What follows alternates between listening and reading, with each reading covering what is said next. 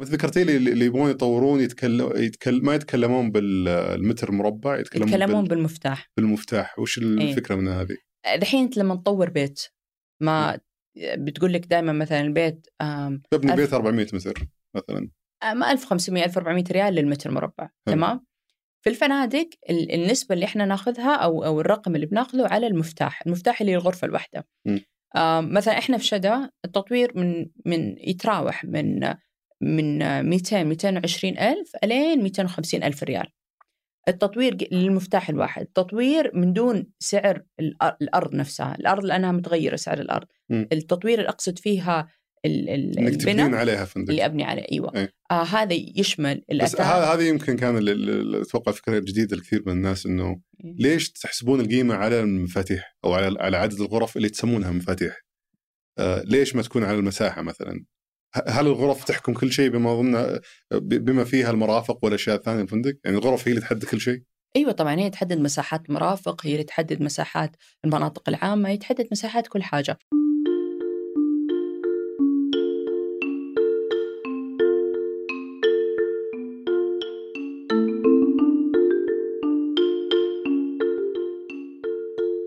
يلا حيهم اليوم بستضيف ريم قراش الرئيس التنفيذي لشركة شدا للضيافه آه، شركة شدا هي شركة عائلية. وظيفتنا اليوم تديرها من عام 2011 فبسولف معها عن أمور كثيرة تخص هالقطاع. آه، من ضمنها التحديات اللي يواجهونها في التشغيل التحديات اللي يواجهونها في التوظيف المنافسة الحلول الرقمية الجديدة كيف غيرت في القطاع هذا مثل Booking Airbnb وغيرها. كورونا كيف أثر في قطاع الضيافة؟ وش اللي اللي كانوا يسوونه قبل كورونا؟ ما عاد صاروا يسوونه بعد آه، كورونا. أمور كثيرة تخص هالقطاع بنغطيها في حلقة اليوم. حياك الله أختريم. الله يحييك إن شاء الله أهلين. أبي أعرف من البداية بس قبل ما ندخل على القطاع الضيافة ونتكلم عن تحدياته والفرص وكل الأمور اللي المتعلقه فيه. أبي أعرف كيف صرتي رئيس تنفيذي للشدا ودارة؟ وش التجربة اللي قادتك للمنصب هذا؟ أنا أعرف إنه كل اللي اعرفه عن الفترة هذيك إنه بزنس عائلي بعدين صرت رئيس تنفيذية وقدرتي وما شاء الله وصلتي إلى المرحلة اللي وصلت آه، فيها اليوم. بالفعل. كنت في البداية أشتغل يعني حوالي يومين في الأسبوع. كنت أحاول أرتب جدولي في الجامعة إني أخليه ثلاث أيام بالجامعة ويومين أروح أساعد الوالدة في العمل. م. فبعد في العمل وين؟ إيش؟ في العمل وين؟ في العمل في شدا شدا كان موجود قبل ما تصيرين رئيس تنفيذي اي اي اي شدا هي بالأصل شركة تطوير عمراني. ومؤسسها الوالد من الثمانينيات. وكان إي وكان عملها الرئيسي في التطوير العمراني. طور أكثر من مليون متر مربع في المنطقة الغربية وفي بعض دول الخليج. وكانت مركزة أكثر شيء في المشاريع الإسكانية. م. وكان هو المطور الرئيسي لبعض الصناديق في شركات مالية. كان يطور للغير وبرضه يطور لمحفظته الخاصة.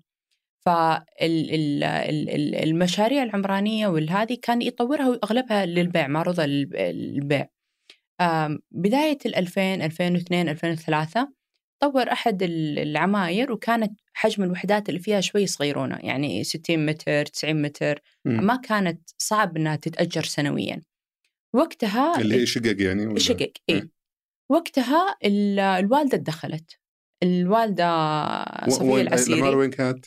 نعم. وين كانت العمارة؟ في جدة. إيه؟ في جدة اللي هي دحين سميناها دارة قريش. هنا. آه الوالدة وقت الوالدة هي أصلا خريجة شريعة. فوقتها الوالدة كانت جالسة في البيت فترة طويلة تهتم فينا أنا وإخواني عددنا ستة. وقتها خلاص تفرغت كلنا دخلنا مدارس وركزنا كل حاجة قالت برجع أشتغل. وين أشتغل؟ قالت عطنا العمارة هذه للوالد وخلنا أشغلها أنا بنفسي. شلون بتشغلينها؟ بسويها شقق مفروشة. قالت طيب.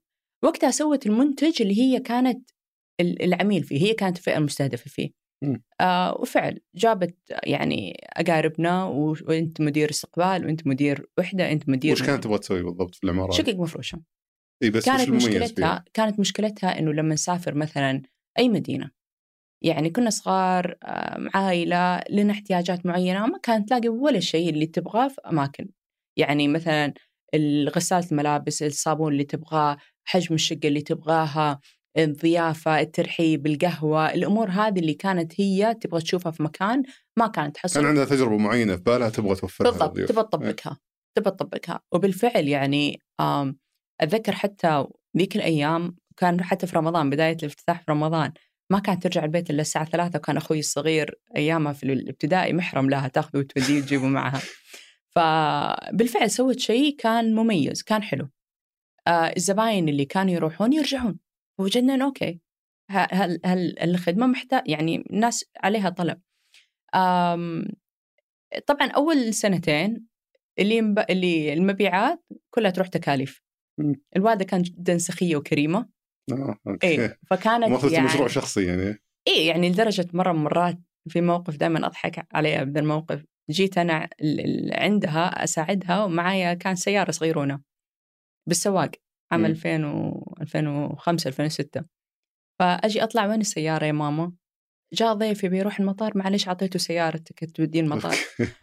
ماما مو كذا أيامها قبل كريم قبل أوبر قبل أي حاجة. فكانت مرة يعني من جد تعامل الضيف كأنه من جد ضيفه في بيتها. فكان هذا الستاندرد حقها هذا اللي كانت تبغاه وهذا اللي كانت تبغى توصله. عام اليوم دخلت الجامعة على 2007 كذا جيت أحاول أساعدها في الأمور الإدارية البسيطة. طبعا هي كانت تشتغل مستقلة عن شركة الوالد وحتى كانت تستخدم اسم القرية السعودية.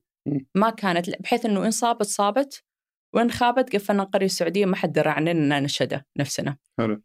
فجيت أساعدها في, في الأمور المالية أنا كنت المحاسبة حقتها.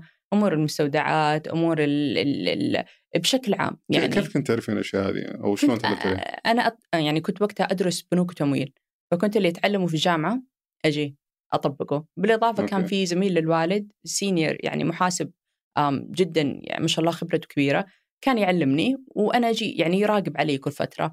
فكان عندي حتى البرنامج المحاسبي الذاتي أسويه بنفسي الأصول ندخلها بنفسنا ما أدري الله العالم هي صح هي خطا بس كانت تضبط معانا. آه يوم جيت أنا اشتغلت معاها بدينا شوي نسيطر الأمور ماليا. فالمبيعات عالية بس زي ما قلت لك قبلها كانت برضو التكاليف مرة عالية. كان اللي يدخل ينصرف. وقتها يوم دخلت معها لا انضبطت الأمور المالية كثير. تمام؟ وبدينا لا نحقق هوامش ربح حلوة. يعني المشكلة في التطوير العمراني إنك تدخل في حلقة آه، في التدفق النقدي فمثلا بتلاقي السنتين اللي يتم فيها التطوير البناء أو المشروع بتلاقي تدفق نقدي سالب بعدين الكاش حقك قاعدة تصرفينه كله على أيوه. التطوير وبعدين إذا انباع المشروع تلاقي وش مرة عالي بالإضافة ذيك الأيام ما كانت البنوك تمنح يعني التمويل اللازم بس لحظة إذا انباع لمين؟ إيه؟ إذا انباع لمين؟ إذا انباع المشروع أو بدأ يشتغل أو كذا إيه؟ الميزة فكان كان التحدي في مش... في التطوير العمراني إن ال... ال... ال... ال... الدائرة أو السايكل الدورة حقت التدفق النقدي. يوم اشتغلنا في المنشآت الفندقية وكذا لا وجدناها حلوة. يعني التدفق النقدي تحطه في البداية و... وكل سنة بيدر عليك بيدر عليك بيدر عليك ما هو منتهي. ومو فجأة تلاقي عندك فائض نقد لازم تستثمره في أسهم ولا في سندات أو حاجة زي كذا. فكانت هذه في نقطة إضافية إنه مثلا إذا بعت المبنى طورت مثلا عمارة إن جيت بعتها عمارة زي ما هي مثلا تبيعها بهامش ربح ما يتجاوز 10 20% بس تعال بيعها فندق. okay. الحسبة تختلف تماما. ليش؟ الحسبة تختلف تماما، وقتها بياخذون الإيرادات المستقبلية لهذا العقار ويحسبونه بسعر اليوم اللي هو discounted اللي هو ال net present value وقتها بيصير مرة يعني طريقة التسعير والتثمين للعقارات الفندقية أعلى بكثير من إنك تبيع العقار يعني كحاله أو عمارة أو حاجة زي كذا. بياخذون في الحسبان التدفقات النقدية اللي تيجي في المستقبل و ياخذونها بسعر اليوم discount بسعر اليوم بي... يعني قصدك اذا واحد بنى وش وش العقارات قاعد تقارنينها في العقارات الفندقية؟ يعني أنت عندك عقار فندقية اللي هو عمارة عادية بنى عمارة. عمارة عادية. خلينا نقول عمارة كلفتك بناها 15 مليون. عمارة شقق آه، سكنية. شقق مفروشة عادي. يعني الشقق المفروشه عادي. تختلف طريقة بنائها عن الشقق الفندقية. أي شقق أي شقق. إيه؟ عمارة خلينا نقول شقق مفروشة مساحاتها مثلا مساحة الوحدة تتراوح من 40 ل 60 متر مربع تعال ابنيها يعني خليها تكلفك 14 15 مليون م. تمام بيعها اليوم في السوق زي ما هي مشطبة مخلصة كل حاجة ما حتجيب لك مثلا إذا كلفتك 14 خلينا نقول الأرض كلفتك 10 آه، هذه كلها 24 ما بتجيب لك في الأخير 25 26 مليون إذا بعتها في السوق م. بس إذا بعتها كعقار فندقي أو كعقار آه، مدير للدخل وقتها الحسبة تختلف أوكي. تماما أنا بجيك على النقطة هذه موضوع الاستثمار في نرجع على ال- الحكاية الأولية نرجع الحكاية طيب. الأولى وش ال ال ال يعني متى صرتي أو وش المهارات اللي احتجتيها عشان تصيرين جاهزة إنك تصيرين آه، والله رئيس ما كان في؟ مراحل يا أخي على طول كذا على دخلتي في طول ال... على طول آم، على أي أساس صرت رئيس تنفيذي؟ طب أنا أحكيك السالفة الحين آه كان آه يوم تخرجت آم، وأنا كنت اوريدي في ذاك الوقت كنت أشتغل يعني عندي يدي في الشغل وأعرف إيش اللي قاعد يصير. آه يوم تخرجت آه وتفرغت تماما وجيت أشتغل معاهم قلت يا جماعة الوالدة تشتغل في جهة والوالد يشتغل في جهة خلينا ندمج العمل وخلينا نغير القريه السعوديه تصير اسمها شذا خلاص أثبتت الحمد لله إنه الزباين راضين وايراداتها كويسة وهوامش ربحها كويسة كل حاجة خلينا نضمها مع بعض نسميها شذا ونكرر التجربة. مم. فقالوا أوكي تمام وقتها الوالد كان آه، في فروع ثانية ال- الفندق شذا؟ وقتها انبنى فرع ثاني انبنى. فرع ثاني في الحمراء وعام 2013 انبنى فرع ثالث في على طريق المدينة بجدة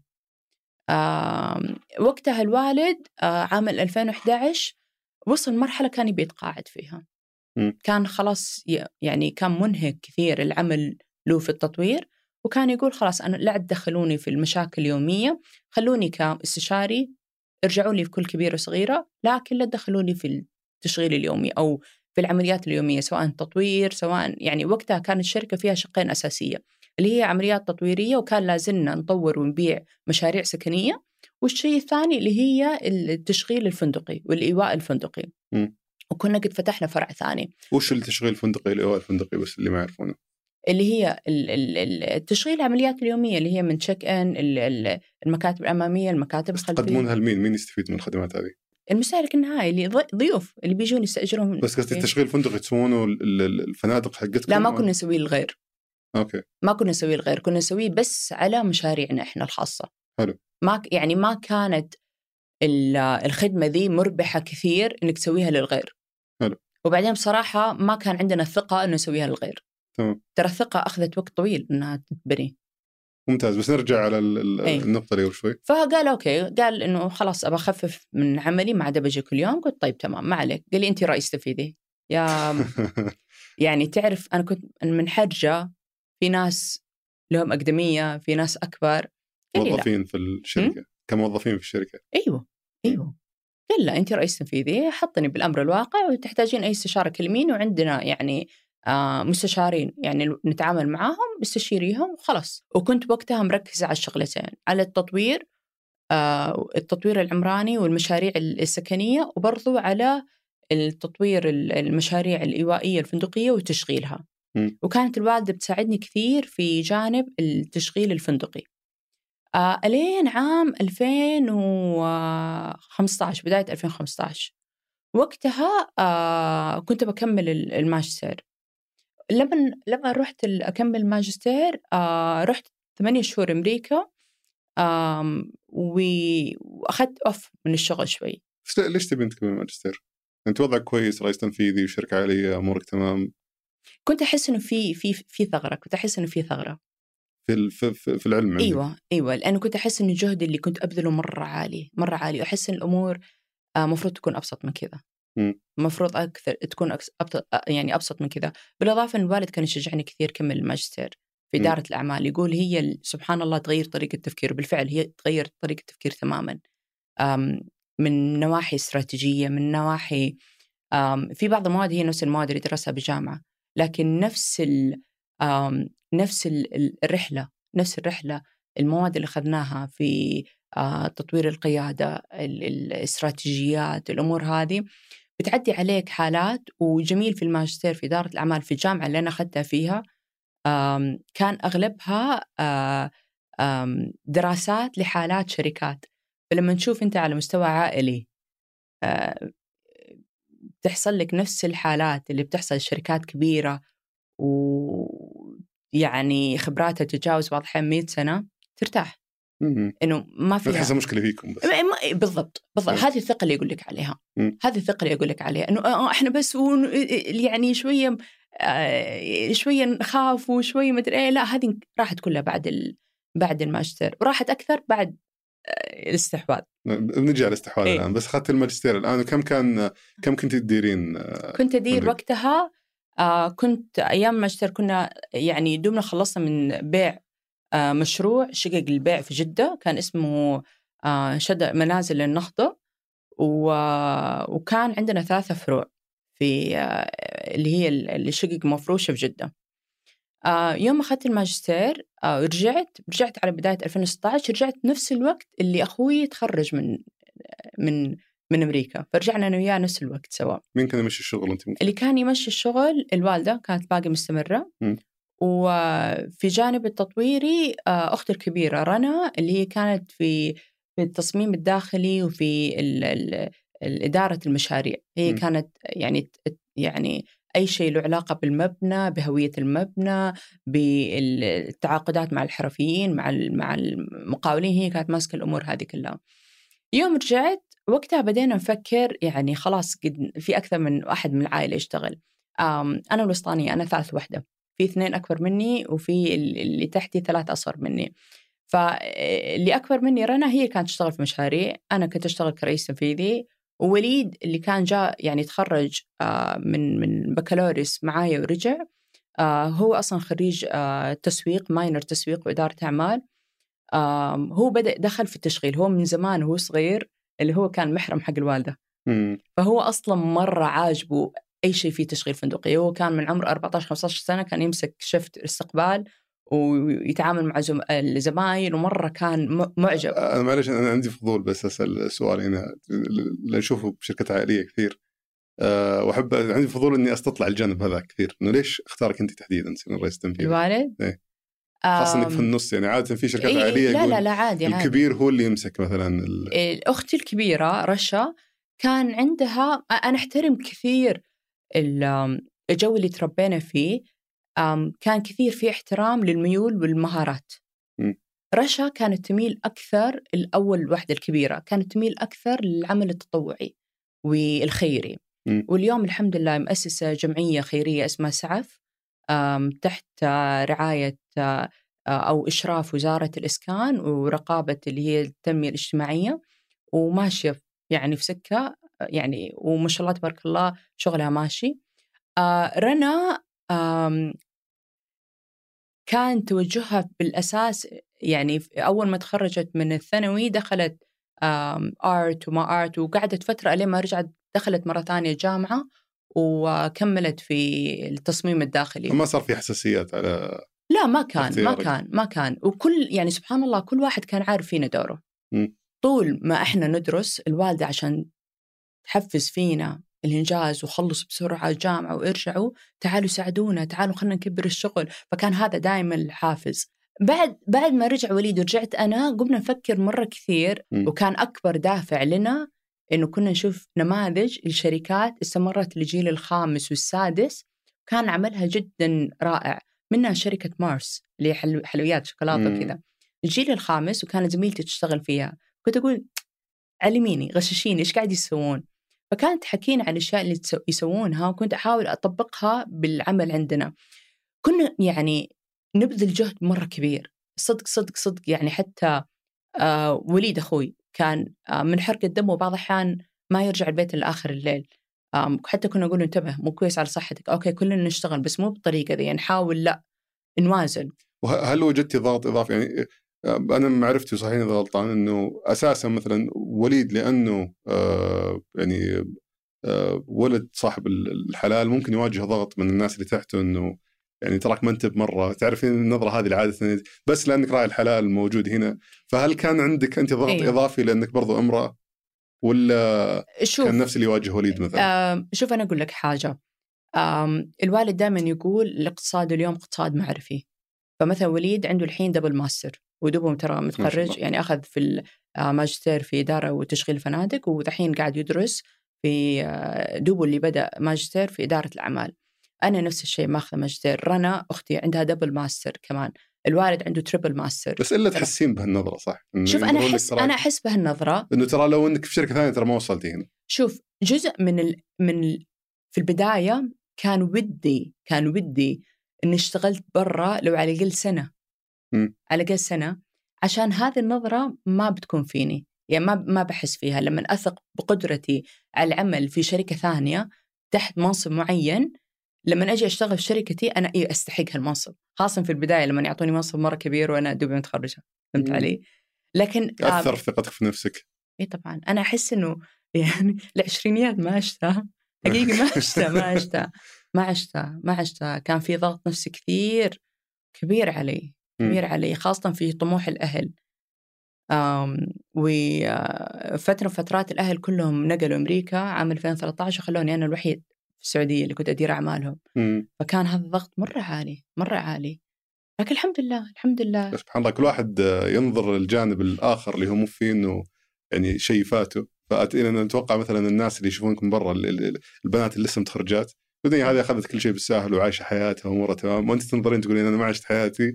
أنا طلعت على طول على على الشغل وكان ديني مثلا أعيش العشرينيات. ف آه، أقول الحمد لله عشتها الحين. الحمد لله مرتاحين.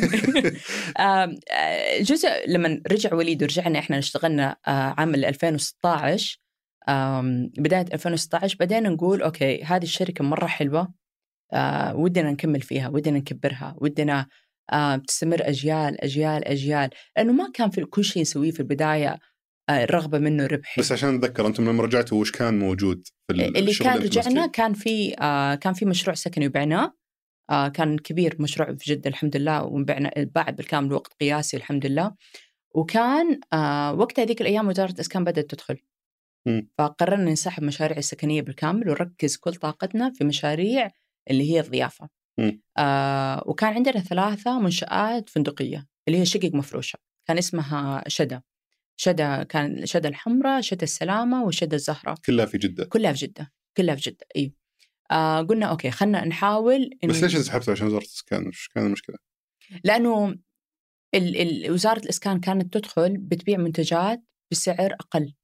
كان في في التطوير العمراني أو تطوير المشاريع الإسكانية جزء كبير من من من تكلفة المنتج النهائي يوصل بعض الأحيان 50 60% أرض مم. فإذا الأرض تقريبا شبه مجانية وزارة الإسكان بتطورها وزاره الإسكان بتبيع بجنبك خلينا نقول شقة 400 ألف وأنت بتبيع نفس الشقة ب 700 أو 600 ألف.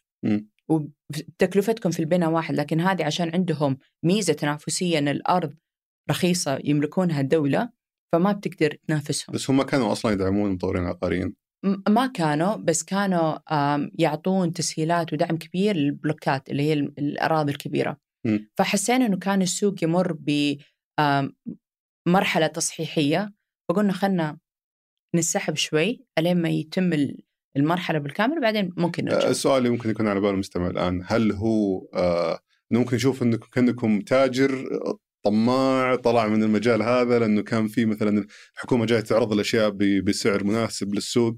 فهل هو كان خا... بس خوف على هوامش ربح أو إنه فعلا ما شفتوا أي طريقة إنكم تكسبون؟ أنا أقول لك حاجة. الوالد من يوم ما هو بدأ يطور في الثمانينيات ألين آخر مشروع طوره كان 2015 واللي انباع بالكامل. آه، قيمة التطوير هي نفسها ما تغيرت هي بس معدل التضخم اللي زاد. هامش الربح كان كل ماله ينزل ينزل ينزل ينزل ينزل. في البداية كان يبيع فلل واللي سكان جدة يعرفون الأسعار اللي بتكلم عنها. كان يبيع فلل في البساتين في المرجان في اللي أحياء شمال جدة اللي هي كانت جديدة وراقية. كان ال- ال- الفلل تنباع على 900 ألف مليون بالكثير مليون أقصى شيء. حتى أتذكر كان يقول لي ريم اشتري من عندي فلل. أقول لا مليون غالية مرة. كثيرة يا بابا. الحين طبعا أندم إني ما اشتريت. فكانت هذه الأسعار اللي يبيع فيها. يعني آه، سعر التطوير عنده جدا منافس لأنه آم، مطور نظام اسمه بناء. هو software طوره in-house بنفسه. ال- ال- ال- النظام هذا بيعطيه أفضلية آه، إنه بيجزئ المشروع بدل ما يعطي له مقاول عام وبيقدر يتابع كل نشاط نفسه. النظام هذا بس بي بي بي بي بي بتقسيم العمل. هي نظرية مرة مشهورة اسمها work breakdown آه، theory. عشان هو سوى عليها كمان آه، ماجستير قدم عليه شهادة ماجستير عشان نطبق النظرية هذه بطريقة صحيحة وعرف يدير ما المشروع. فهمت وش النظرية. نظريه لتطوير المشاريع وبرنامج لإدارة تطوير المشاريع. بعض الأحيان وش تكلفه الفرق بين انك تجزئينها وبين انك تعطينها المقاول يسويها؟ أوكي فيك فيك مثلا نرجع ل آه، نرجع هذا المثال دائما يضربوا لنا الوالد. مم. نرجع للثوب مثلا. فيك تشتري ثوب جاهز ب 500 ريال فيك تروح تشتري القماش وتوديه عند الخياط بيكلفك 300 ريال صح مم. ولا لا؟ مم. نفس الشيء في تطوير المشاريع فيك تعطيه مقاول عام بيكلفك السعر زائد 30% تكلفة إضافية حلو. وفيك تسويها بنفسك لكن تحسن التجزيء فمثلا لما تشتري الخامة تعرف الخامة هذه كويسة لما تختار خياط تعرف الخياط هذا كويس مم. لما آه، تختار تختار الإكسسوارات تعرف إنه هذه تلائم العمل فهذا اللي كان يحاول يسويه كان يعني يجزء يبني بشكل أكثر كفاءة بحيث إنه أيوه. يقدر يرف- يرفع نسبة الربح عنده. آه، كان ويبيعه بالمحافظه على سعره برضه. محافظ على سعره هامش الربح نفسه. قلت لك من يوم ما بدأ للحين كان هامش الربح نفسه. اللي اللي تغير اللي هي قيمة الأراضي اللي كانت ترتفع ترتفع ترتفع ترتفع. في يوم دخل الاوضاع التصحيحية وزارة الإسكان كانت تخوف ال- ال- الأراضي اللي بيحصلون عليها بسعر أقل فعشان كذا فضل إنه يوقف شوية. آم، أرجع لك على 2016 تفضل إيه، تفضل. طيب أوكي.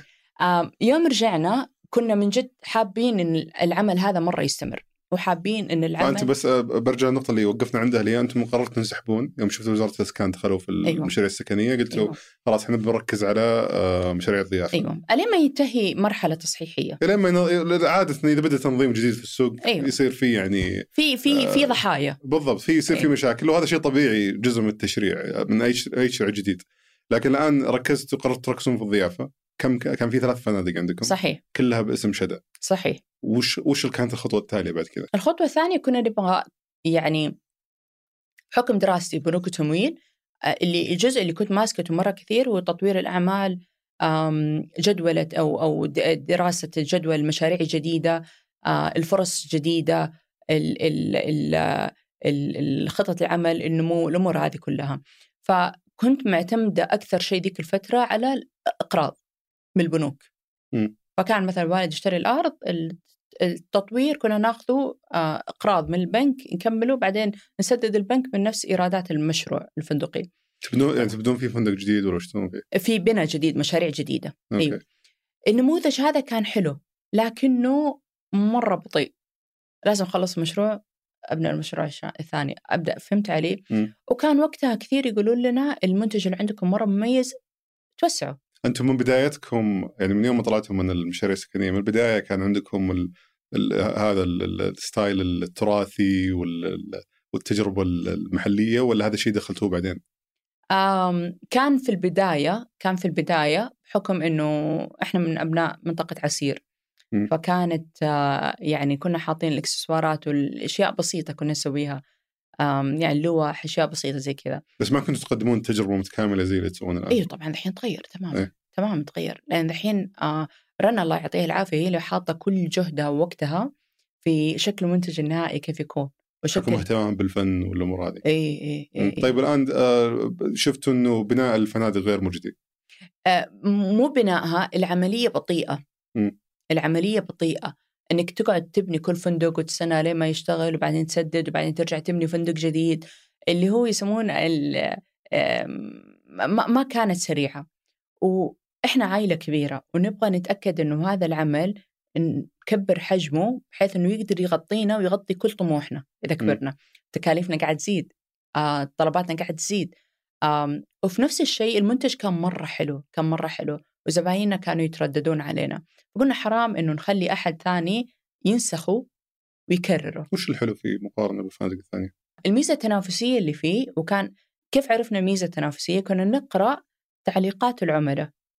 كان أغلب اللي يقولون أخي أحس لما أجي عندكم بالراحة. أحس إنه في آه، من جد طريقة ترحيب طريقة الضيافة طريقة آم، وأتذكر الميزة التنافسية اشتغلت عليها كمان مع واحدة من زميلاتي كانت برضو تشتغل في آم، شركة يونيليفر قالت لي ريم كنت شلون أعرف الميزة التنافسية؟ أنا أعرف الزباين يحبون يجون عندنا بس ما أدري شلون. أدري العنصر اللي. إي بالضبط. كنت أقول ما أدري إيش العنصر اللي مرة حلو اللي يخليهم يرجعون يتكررون. قالت خلينا نق- نقرأ تعليقات الزباين وجدناها نفس الكلام. المباني شرحة. نجي نرتاح عندكم نقعد بعض الأحيان بالشهور نرتاح الضيافة. أحس إني من جد داخل بيتي. ما أحس إني داخل فندق. بس ما هي مو واضحة. ما كانت واضحة. بالفعل ما كانت واضحة. فقالت لي ذيك الأيام قالت لي ريم تبين تقلدين هيلتون ترى الهيلتون أنظ... يعني في في النظافة معايير النظافة ومعايير ال hygiene ترى أحسن منكم. مم. لا تبين تقلدين فخامة ترى هو بيغلبك. خلنا امسكي مسار هو مو بعنده ولا راح يعرف يسويه. فوجدنا إنه بعدين إنه يوم دمجنا آه طبعا روح الضيافة والاستقبال والترحيب لو دخلت أي من فنادق شدا أو دارا بتلاقي هذا الشيء مرة واضح في الاستقبال في. الموظفين. صارت خلاص ثقافة موجودة. بعدين مو دمج عنصر الفن اللي لقيتوها يعني هل هي تجربة المحلية إنه احس أيوة. كأني رايح البيت أيوة. أحد ولا أيوه أيوه من جد بعض الأحيان ما أدري صلحني إذا أنا يعني هذا إحساس أنا يجيني. بعض الأحيان إذا مثلا جيت دخلت فندق خمس ست نجوم طيب كيف تحس موظف الاستقبال؟ أنا يمكن عندي وجهة نظر مختلفة في الفنادق خمس نجوم أنا شخصيا ما أشوفها تقدم تجربة آه، مميزة من كثير من الفنادق رحت لها لسبب بسيط إنها تركز على الشكليات أكثر من ال... يعني ما هي عملية. يعني أروح ألقى مثلا آه، النت يلا يشتغل. آه، ال- ال- ال- الشاور ال- هذه دائما معاناتي مع الفنادق الشاور ماني عارف شلون أشغله أساسا. التلفزيون مرة معقد. اي مرة يعني في تعقيد كثير في التجربة لدرجة إنه وين الخمس نجوم ذي؟ بس عشان نجفة ذهبية ولا؟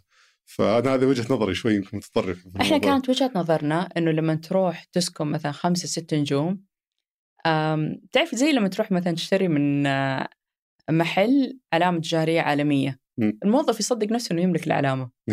ففي في شوية فوقية في شوية فوقية.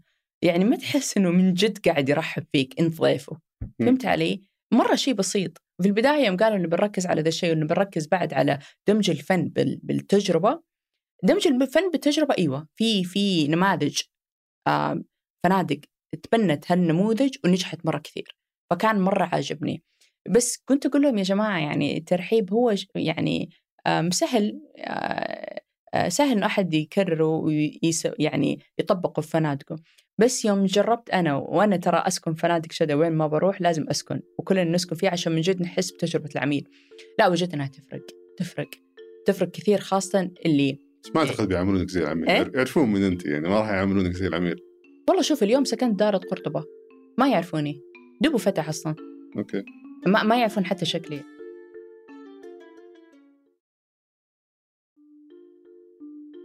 إذا أنتم يعني مرة يهمكم إنكم آه، أو أو اضطريتوا تبذلون جهد كبير عشان تطورون ال- الج- الميزة النفسية عندكم. ليش ما بعدتوا عن جدة أساسا؟ ليش ما رحتوا الجنوب؟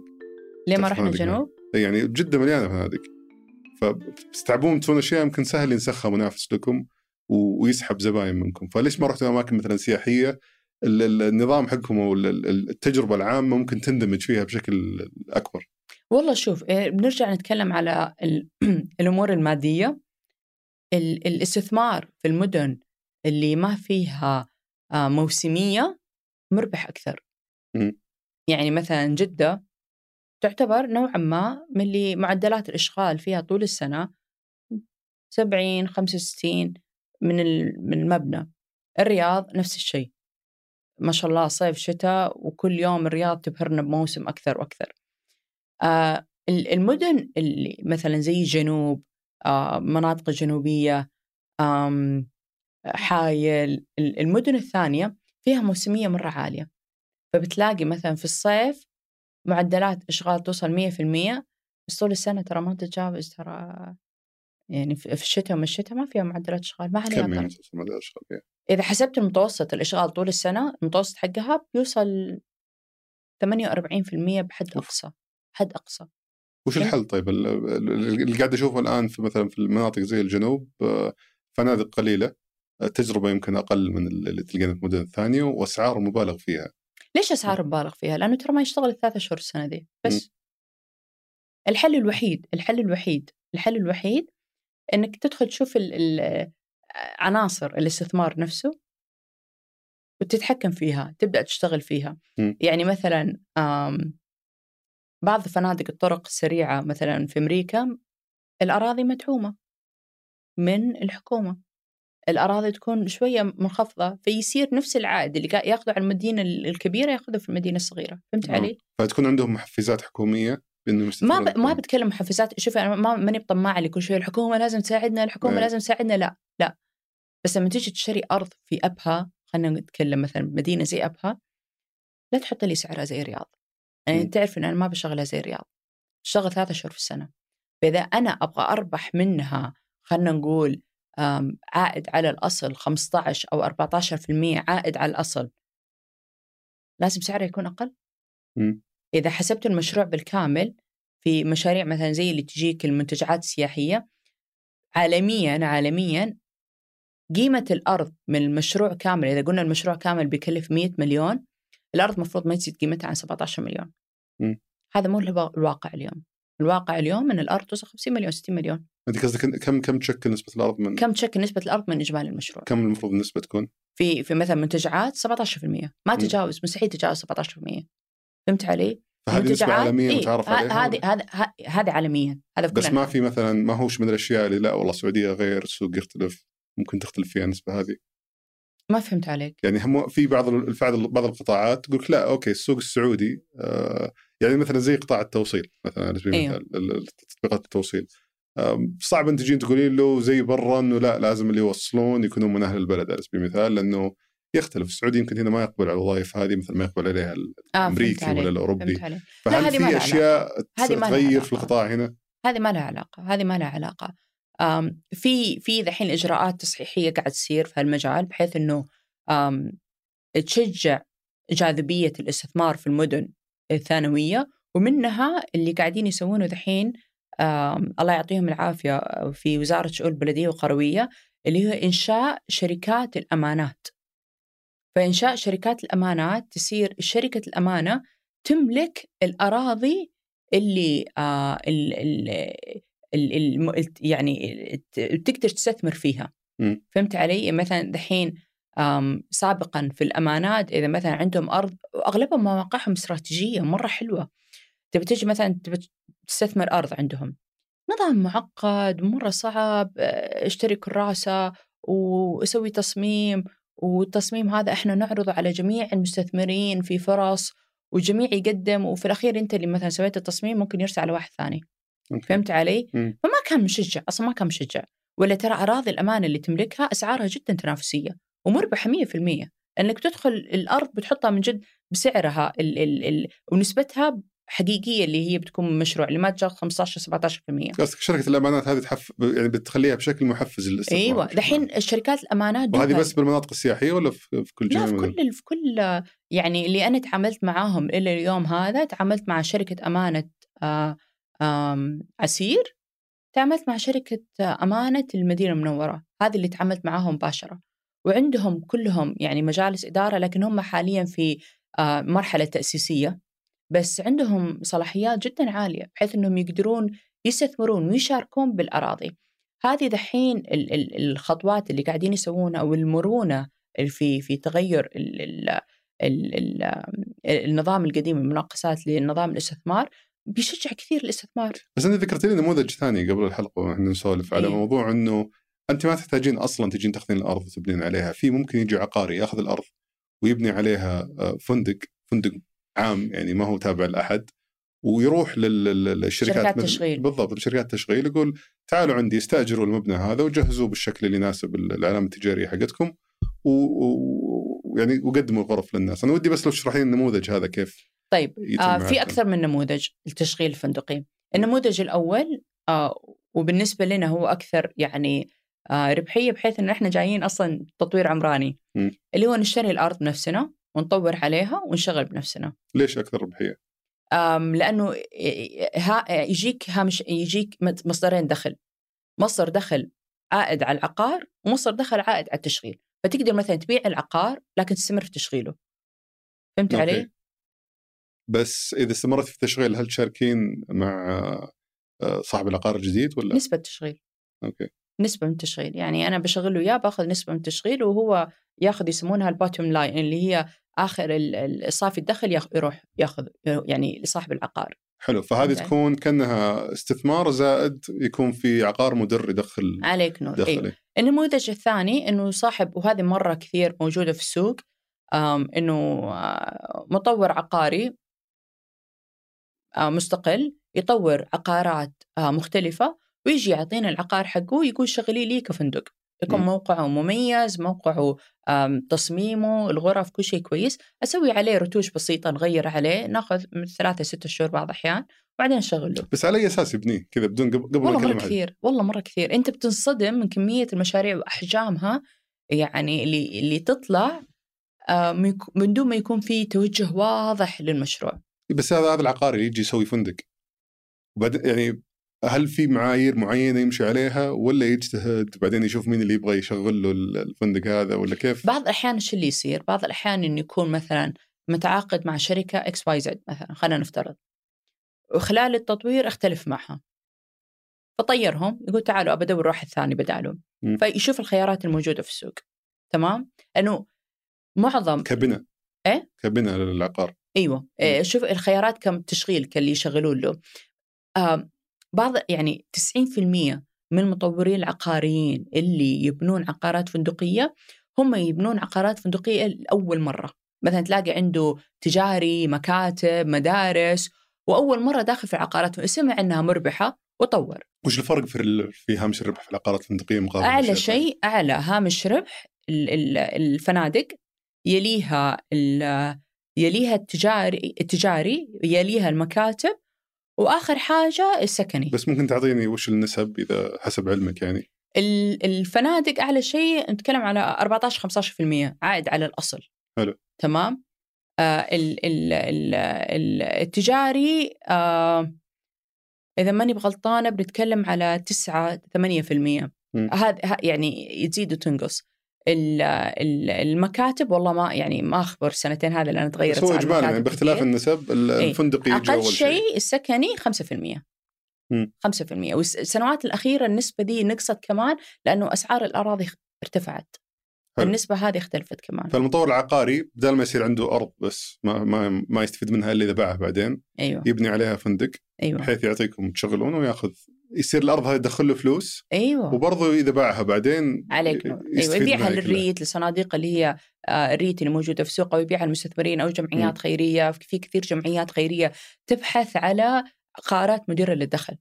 فبس ما يقدرون يبنون بنفسهم عليهم يعني رقابة عالية لا تبني بنفسك فيشترون أشياء جاهزة النموذج الثالث آه إنه إحنا نستأجر آه مبنى جاهز ونصلح المبنى نضبطه يعني نسوي تعديلات طفيفة عليه ونشغله كفندق. هذا هل يعني يكون مثلا هو مبني شقق مفروشة أو شقق سكنية؟ شقق مفروشة لازم يكون شقق مفروشة. إذا كان شقق سكنية تقدرون تحولون ما ما نحب نتعامل بهالنمو لأنه آه، رخصة يعني فيها تعقيدات في البلدية وفي الأمانة أو رخصة البناء فما ما دخلنا إنه شقق عادية سكنية ونحولها لمفروشة. مم. يعني نفضل. اشتكالات تكون مف- مبنية كالمبنى مبني كشقق أو مفروشة. أو ك إيه. كشقق مفروشة أو فندق وش المعايير اللي تقولون هذا شيء مبنى نقدر نشتغل معه عشان يصير فندق؟ تقسيم تقسيم ال- ال- تقسيم الأدوار لازم يكون مرة واضح لازم يكون بعض الأحيان تدخل في كأنك دهاليز مم. هذا لا يعني لازم يكون مرة واضح سمبل وبسيط يعني تصميم بسيط آه مساحات الغرف مساحات الغرف اللي دائما بنبحث عنها اللي هي ما تقل عن 30 متر مربع المساحات الم... ال- الأماكن العامة مثل ال- ال- الكوفي شوب مثل النادي آه عندنا دائما نسوي غرف سينما آه مناطق الاستقبال المصلى نتأكد إن هذه المساحات موجودة في في عندنا طورنا مانوال خاص فينا نعمل زي التشيك ليست على ال- المعايير اللي لازم تكون موجودة في المبنى عشان عشان نقول هذا نقدر نشغله بالإضافة لسعر الإيجار. مم. سعر الإيجار عامل جدا مهم لأنه يحدد لي أنا عارفة كم إيراداتي في المنطقة هناك، عارفة كم تكاليفي. المتغير سعر الإيجار، أوكي سعر إيجار المبنى سعر الايجار المبنى إيه. وأنت قلت لي إنه قبل الحلقة إنه لازم يكون يمثل نسبة معينة من قيمة ال- الأصل ب- صحيح بشكل عام صحيح صحيح تجاوزها معناته إنه اي ما ندخل فيها آه، ما ندخل. فيها اي أم، عادة الإيجار دائما يعني بيكون 5% من سعر العقار آه، 5 6% من سعر العقار إذا أكثر من كذا بيأثر يعني بيصير الجهد اللي بنسويه آم، مو هو مجدي لقاء ال- ال- ال- الدخل اللي يجينا منه. نبدا يأكل من ال- الهواء أيوه أيوه. لأنه جهد ترى مرة كثير التشغيل جهد جهد عالي. أنت عندك مطعم عندك غرف عندك آم آه يعني آه مرافق جدا كثيرة تديرها. فهذا جهد مرة عالي. وانت ذكرتي لي اللي يبغون يطورون يتكلم يتكلم ما يتكلمون بالمتر مربع يتكلمون, يتكلمون بال... بالمفتاح. بالمفتاح. وش الفكرة من هذه؟ الحين انت لما تطور بيت ما بتقول لك دائما مثلا البيت تبني. بيت 400 متر مثلا آه، 1500 1400 ريال للمتر مربع. تمام في الفنادق ال- النسبة اللي إحنا ناخذها أو أو الرقم اللي بناخذه على المفتاح، المفتاح اللي الغرفة الواحدة. آه مثلا إحنا في شدا التطوير من من يتراوح من من 200 220 ألف ألين 250 ألف ريال. التطوير للمفتاح الواحد، التطوير من دون سعر الأرض نفسها، الأرض لأنها متغيرة سعر الأرض. م. التطوير اللي أقصد فيها ال- ال- إنك البناء عليها فندق اللي أبني عليه أيوه إيه. آه هذا يشمل بس هذا يمكن كان أتوقع فكرة جديدة لكثير من الناس إنه إيه. ليش تحسبون القيمة على المفاتيح أو على على عدد الغرف اللي تسمونها مفاتيح؟ آه ليش ما تكون على المساحة مثلا؟ هل الغرف تحكم كل شيء بما ضمن بما فيها المرافق والاشياء الثانية الفندق؟ يعني الغرف هي اللي تحدد كل شيء؟ أيوه طبعا هي تحدد مساحات مرافق هي اللي تحدد مساحات المناطق العامة هي تحدد مساحات كل حاجة أول ما بدينا كنا بس لحظة عدد الغرف يحدد مساحات الاماكن الثانية؟ أيوه طبعا كيف ممكن آه مثلا خلينا نقول عندك 100 غرفة مم. تمام عندك كوفي شوب على أي أساس بتسوي مساحة الكوفي شوب هذه على أساس كم عدد الناس اللي بينزلون يفطرون عندك الصباح أوكي. كل زبون يحتاج مثلا متر ونص.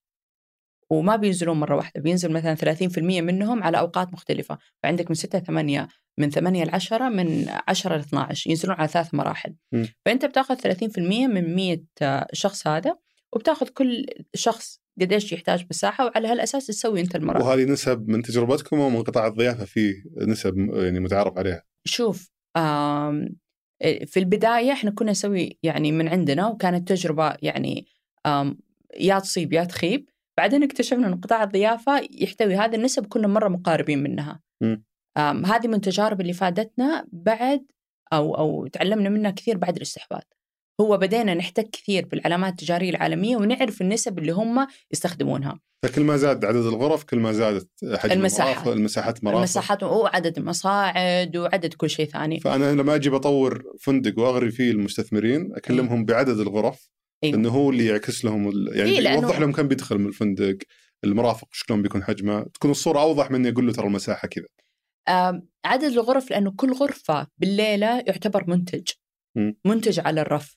فمثلا عندك خلينا نقول غرفة واحدة أنت ما عندك غرفة واحدة عندك 365 غرفة م. في السنة كل ليلة يعتبر منتج واحد آه، فهمت أوكي. علي؟ إيه. إيه. فهذه يسمونها بال inventory المخزون كم عنده غرفة احسب الغرف اللي عندك اضربها 365 هذا المخزون اللي عندك أوكي كم بعت منها كم ليلة بعت وإيراداتك وتكاليفك وكل شيء تنحسب على كم عندك م. ال- ال- المعيار هذا آه، في البداية أول ما بدينا كنا نحسب بالمتر بعدين وجدنا إنه كل الصناعة قاعدين يحسبون بالمفتاح بالغرفة.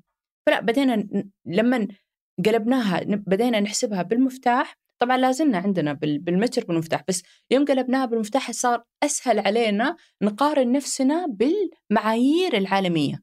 تعرف لما تقارن تقارن نفسك تعرف أنت ماشي زين ولا أعلى ولا أقل ولا فكان أسهل علينا نقارنها. ولاحظت حتى في آه، فنادق أو مطورين عقاريين يسمحون حتى الأفراد إنهم يستثمرون في غرفة. أيوه لانها صارت عندك منتج. في المنتج هذا مدير للدخل منتج واحد مدير للدخل. م. تبغى أحد يستثمر فيه يعني مثلا أنت بتكلفك الغرفة زي ما قلنا 250 ألف ريال شامل الاثاث المفروشات كل شيء من إلى جاهزة يسكن فيها زبون بكرة. تمام؟ آه إيراداتها في السنة أنا عارفة كم إيراداتها. فكانك تشتري سهم واحد.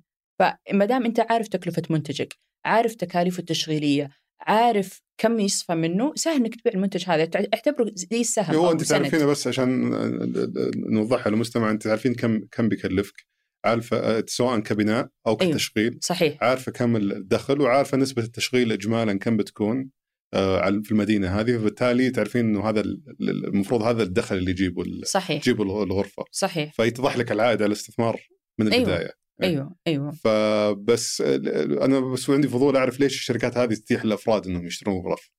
آه يعني هي يعتبرونها. يعتبرونها جزء من أساليب التمويل. م. يعني بدل ما تروح آه أساليب التمويل مرة كثيرة. آه فبدل ما مثلا تروح تاخذ قرض والقرض مخاطره مرة عالية لأنه لازم تسدده سواء ربحت أو سواء خسرت. فيعتبرونه كأنهم باعوا سهم.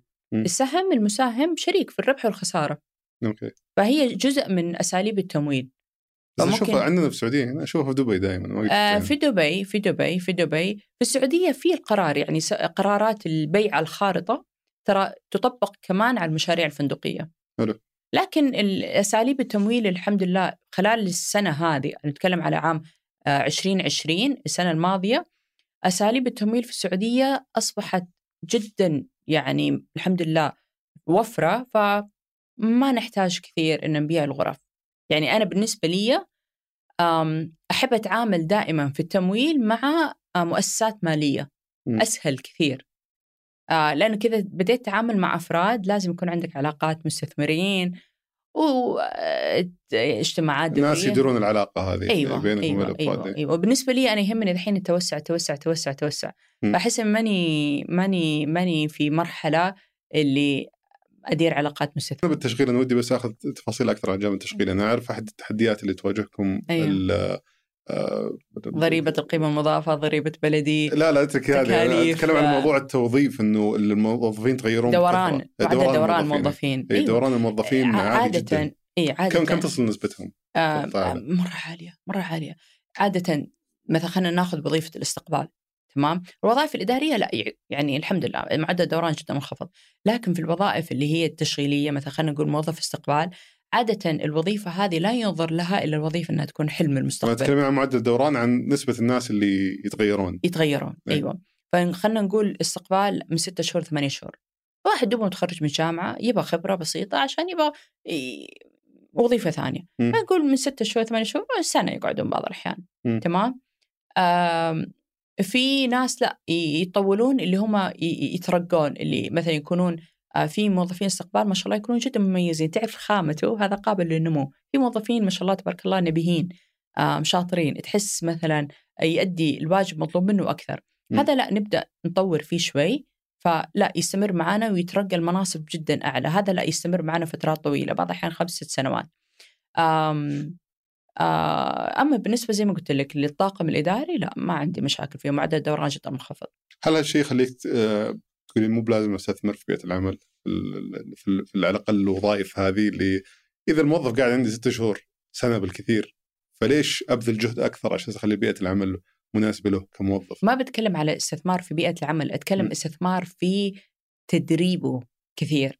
فهمت علي؟ اي أنا فاهم عليك بس إيه؟ غير التدريب البيئة العمل نفسها أيوة. هل تحرصين إنه يكون في مزايا في أشياء أيوة إضافية؟ أيوه طبعا في النهاية بيمشي أم حتى لو بيمشي ستة شهور شوف يعني دوبنا أمس كنا نتكلم في في الموضوع هذا في تويتر آه، فكنت بقول إنه إحنا لازم نتعود على معدل دوران عالي هو أصبح حقيقة لابد منها سواء في قطاع السياحة أو أي قطاع ثاني إحنا نرتب أمورنا مو نغير الناس علي علينا.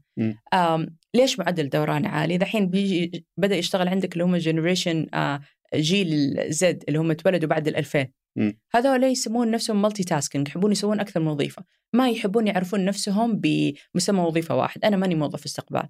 صحيح إن مثلا غيرنا مسمى الوظيفة هذه المزايا حقتها غيرناها اللي اعطيناه مهام أكثر عشان يحس إنه قاعد يقدم هو أكثر مو بس وظيفته منحصرة في إطار مسمى واحد. لكن كذا ولا كذا هم يحبون يسوون أكثر من شغلة يحبون يعني يتحركون كثير. بس ف... ما في ناس يكونون أصلا دارسين يعني أو متدربين على القطاع هذا وعندهم في شهادات فيه ف... في في مثلا أحد الموظفين وهذه تجربة شاركني إياها وليد ودعمته كثير ومرة عجبتني. آه في أحد الموظفين استقبال موجودين عندنا في جدة آه مرة عجبته الشغلة. وما ينظر لها كوظيفة مؤقتة. فالناس اللي زي كذا من العمل تعرفهم ومن التقييم المشرف تعرفهم. هو خريج ثانوية. فمثلا جلسنا معه وهذه سويناها الحالة مع أكثر من واحد الحمد لله. جلسنا معه وقلنا أوكي تبى تكمل تبى مناصب إدارية؟ طيب ادخل في كلية السياحة اتخرج. لما تتخرج بنمسكك منصب أعلى.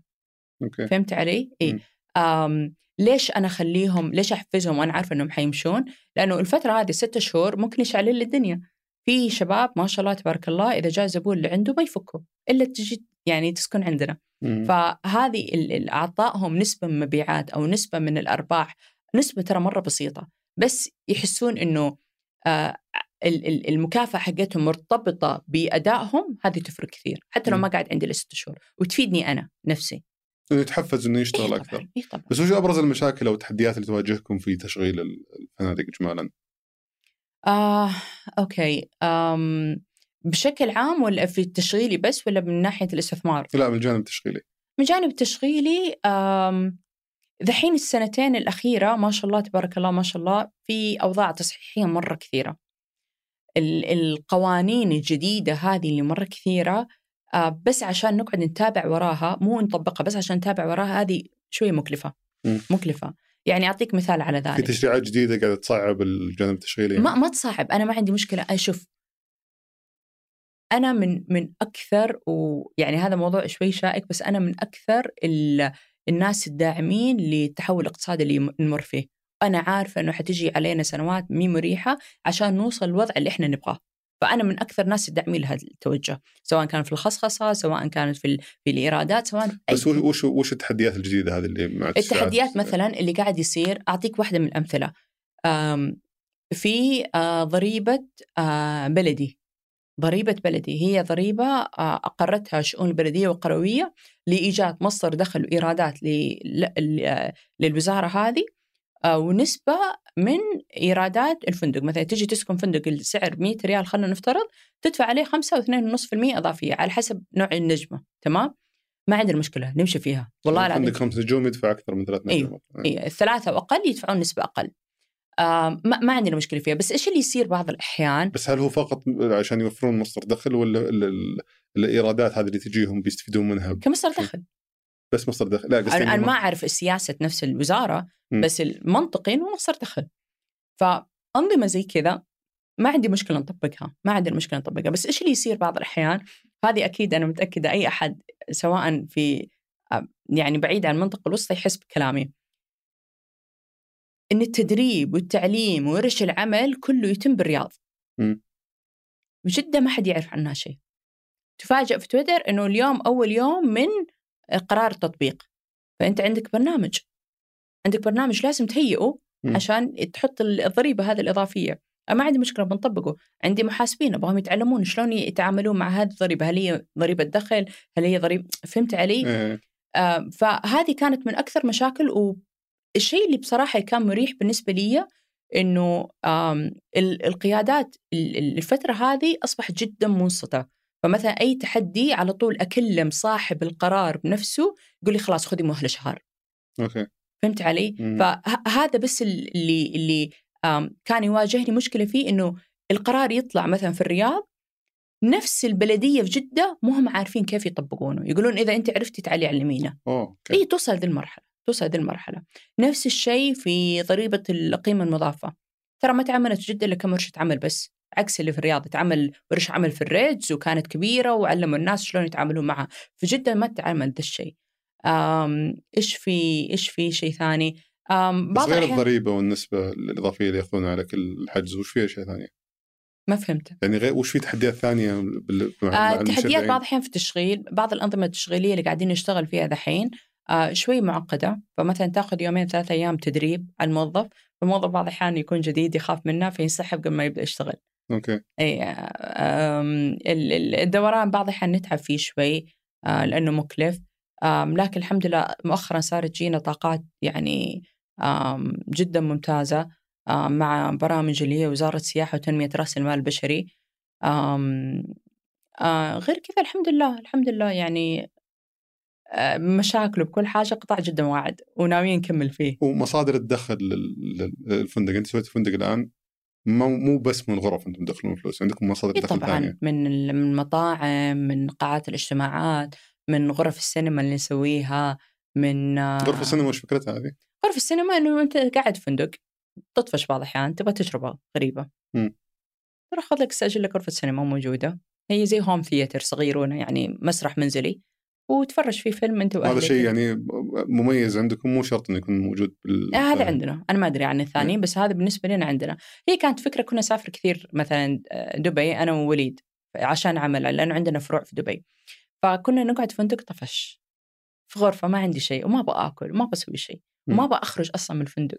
لما تكون سياحة أعمال تيجي في المساء تعبان مهدود حيلك ما ودك تطلع بس ودك تنبسط في نفس ال facility نفسها.